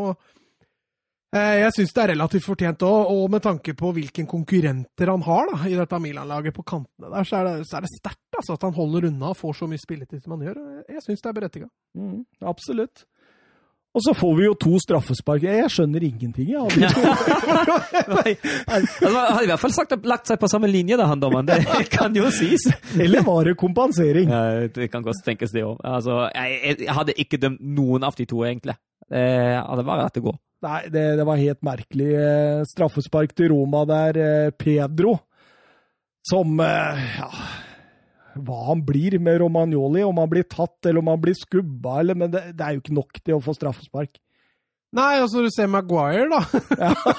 Ta, ta han igjen! Ta, ta, dra inn den igjen, liksom. Så, Og, og da blir jo selvfølgelig Milan eh, skikkelig forbanna, og, og det er jo også en som får rødt kort på be- innbytterbenken der. Så ja, det så jeg ikke hvem var. Nei, ikke jeg heller. Jeg tror det var noen i støtteapparatet. Jeg er litt usikker. Og så, bare noen minutter etterpå, så dømmer han straffespark til Milan, og det er Shalandoglu som er i en slags duell med Manzini. Jeg får, Han er i en duell, ja. Ja, ja. Duell. eh, og Zlatan setter selvfølgelig det, setter Mirante feil vei, og da, da tror man jo at Milan skal ta sin Er det sjette strake seier? Femte? Ja, det har jeg ikke det. Jeg Vent det. Det tror jeg, jeg tror det er femte. Eh, ja, det er, spilt, det er spilt fem kamper, da, så det skulle bli fem strake. da. Hvis ikke Men det blir med- 3-3. Ja, etter en corner. Ja, det er Kombola som setter den og, tar, og stjeler to poeng fra Milan. albaneren på 20 år som er på lån fra Hellas Verona. Eh, det er vel sikkert med topp 20. Det er nok en opsjon Er... Han er nok eh, Roma-spiller neste år, Ja, det sånn. kan fort skje, altså. og Romagnoli han er jo så nær 4-3 der. Ja. Og så det da, Kona. Eh, Pioli spurte eh, intervju, Intervjueren spurte hva det? Nei, Jeg bare så du hadde skrevet på blokka di på forsida. Katrine Edvardsen sto der. Å, ja, det er sikkert hun som har eid blokka en eller annen gang. Ja, ja. Her. Ja, fint. Og så ser du en sånn oversikt over hvilke fotballkamper jeg skulle se. Og her! I helga! Og her! Nå skjønner du, Søren. Nå skal vi, nå skal vi. Altså, det, det er 13.30 Westham City. Og, og da rekker jeg en halvtime av Bayern München Frankfurt før Barcelona Real Madrid. Og da skal jeg se videre på Bayern München Frankfurt. I pausen. Ja, eh, nei, når den er ferdig, til Manchester United-Chelsea kommer. Og, og da skal jeg se videre på Dortmund. til Liverpool-Sheffield United, og så skal jeg se Dortmund videre etter det. Og så står det vedfølgende også søndag. Og så det er godt planlagt. Timeplanen var lagt, det er bra. Sånn er det når jeg får lov å være hjemme aleine en hel langhelg. Da blir det mye fotball, altså. Eh, Pioli, kommentar til dommeren. Nei, sier han. Eh, Fonseca, kommentar til dommeren. Alle kan gjøre feil. Det er ofte den innstillinga hvis du er på den rette siden av feilen. Jeg vil jo si begge to var både på den rette og feile siden av feilen. Ja. Jo, jeg tror Pioli følte seg mest Altså med tanke på at de ikke vant. Oh, ja, ja, ja. At uh, Fonseca drar derfra med ett poeng, det tror jeg var helt greit for dem. Ja, det tror jeg også. Milan har nå scora to pluss i elleve strake kamper. Det har aldri skjedd klubben siden 1959. Ja. Så det er Det ganske var på tide. sterkt. Sterkt, sterkt, sterkt. Eh, Zlatan er jo helt enorm! Åh, det er deilig. Hva er det vi tippa han skulle få i år? For vi sa jo det. Vi sa sa, sa vi 15? Ja, jeg tror vi var oppe i 15. Åh, det er jeg glad for, altså. Ja. Det kan, kan bli mye mer, vet du. Han er helt enorm. Eh, nå skal vi bruke ett minutt hver på ukas talent, og jeg tar tida på dere. Hvem er det som begynner? Jeg kan begynne, jeg. Eh, Søren, da begynner du eh, nå, og du Ja. har ett minutt. Mitt talent er Kevin Sefi, født 11. februar 2005 i Dublin. Han er venstreving. Han kan også brukes som spiss, høyreving og offensiv midtbanespiller. Han spiller i Shamrock Rovers, og han er høyrebeint. Eh, Han spiller for tiden for Shamrock Rovers 2 eh, på andre nivå i, i, Irland, og for Irlands U15. Han har ti kamper, ett mål, eh, null assist for Shamrock. og Ti kamper, seks mål og fem assist for Irlands U15. Eh, han har allerede tiltrukket seg oppmerksomheten til PSV, Juventus og Inter, og akkurat nå ser Inter ut til å være nærmest. Han, er, han debuterte på andre nivå i august, og han skåret sitt første mål som 15-åring da, i september 2020, og tok en all-time-rekord i den irske ligaen. Eh, han er en fleksibel spiller. Han eh, kan, uh, han går mellom linjer, han har god ballkontroll, han har god fart, han er teknisk, han har gode dribleferdigheter og brukbare avslutninger og pasninger. Det blir spennende å følge med videre på ham. Det var akkurat et minutt, Søren! Yes! Han har, øvd, da! Ja, han har sittet og lest denne. Det, det er Søren-måten å gjøre det på! Ja. Nå veit jeg for et, minutt, og nå sitter jeg med stoppeklokka. Han. Ja, ja. Han er så, han er så ordentlig. han. Ja, ja. Han er så ordentlig, han der. Det der, han der, det der Presisjon. Tysk presisjon og nøyaktighet. Å, det er så deilig, Søren. Eh, Mats derimot, da. Jeg, jeg håper jeg kan stoppe dere en av gangene. skjønner du? Det har vært Nei, veldig det tror jeg ikke er noe problem. Jeg tar meg ikke så god tid på dette her. Eh, Men jeg har funnet fram et eh, stortalent igjen. Du, du hadde gravd dypt der, sjøl? Ja, det hadde jeg. Moro, moro. Ja, kom igjen, Mats. Eh, nå! Marcos Leonardo, til daglig i Santos, er født og oppvokst i klubben. Eh, Et spiss, en, spille, en spiss med stor fart, eh, ferdigheter, sammenlignes allerede med den gamle Ronaldo. Eh, vært i Santos eh, hele karrieren. Spiller i øyeblikket også for Brasils U17-landslag. Anbefaler de som er litt ekstra interesserte, å, å sjekke ut YouTube-videoen hans, for det er eh, det er mye snacks å finne på den videoen. Der viser han ferdigheter, fart og avslutningsegenskaper av høy klasse. Har allerede rukket å få sju kamper så langt i år i den brasilianske Serie A. Ett mål på de sju kampene enn så lenge. Jeg trenger egentlig ikke noe mer tid. Oi, oi, oi, oi. Du er, du er god. Da er det meg, da. Det, det, det, det han hørtes eh, spennende ut. Ja, men jeg satt og titta litt på han. Jeg tenkte det Jeg sammenligna litt med Myron Boadou. Jeg vet ikke om du husker når jeg hadde han. Jeg hadde Ja, ståltro på ja. han. Det er litt samme her. Skal jeg stoppe deg, Thomas? Eh, Det kan du godt gjøre. Ja, Jeg har- tror ikke du trenger det, da. Nei, nei, men jeg kjøper det. Ja. Har du starta han? Start! Torben Rein er navnet. Født eh, 12.1.2003. En offensiv midtbanespiller, en klassisk eh, nummer ti, som spiller i Bayern München. Eh, Blir nevnt som et av de største talentene i Bayern München-akademiet. En tofots dirigent og ledertype som har vært kaptein for Tyskland på U15, U16 og nå U17-landslaget. Egentlig en Berlin-gutt som ble hentet i 2017 fra Hertha Berlins akademi, sammen med Nemanja Motika og Nicola Motiko. Eh, et skikkelig Hertha Berlin-raid der, altså. Eh, fikk jeg dra en sammenligning her, så syns jeg Luka Modric er en sånn eh, OK sammenligning. Kreativ, teknisk, mobil. God til å utnytte rom og, og lekne pasningsferdigheter. Har lest at Chelsea lurer i sivet. Det er, det er et land med kontrakta her som gjør at City, nei, Chelsea kan snappe den opp. Spennende type. 59-82? Åh, Thomas Edvardsen, ja, jeg visste du har sittet og øvd. For jeg er den typen. Ja, du har nemlig vært hjemme aleine hele helga. Du har bare sittet og øvd. Torben Rein! Tor Hvis jeg sier det litt for Torben Rein! da var vi faktisk igjennom for denne gang òg. Det er litt vemodig hver gang vi er igjennom, for jeg ser jo litt fram til dette når eh, helga er over, da. Ja, altså det er jo sånn, jeg tenker jo med en gang jeg er ferdig å prate om La Liga, så er jeg ferdig likevel. Du kunne starta La Liga Local. Ja. Jeg kunne ikke ha starta den, den har jo allerede gått i gang. Ja, 2-0, da. da hadde du vært rå. Det var så, så mye kan jeg, kan jeg faktisk ikke. La Liga Local Der 2. Der kryper jeg til kors og sier at de gutta de tror jeg faktisk er hakket over meg. Altså. Og Men, men, men, men de er jo litt Altså, det er sånn Søren har vært borte med dritt og hapsag. At de er litt sånn De er litt mer kulturerte. Jeg satt og hørte på dem faktisk på vei til, i bilen nå. Og de er litt mer sånn De bryr seg om draktene, om, eh, om når klubben ble stifta, om eh, han som var president for tre perioder sia.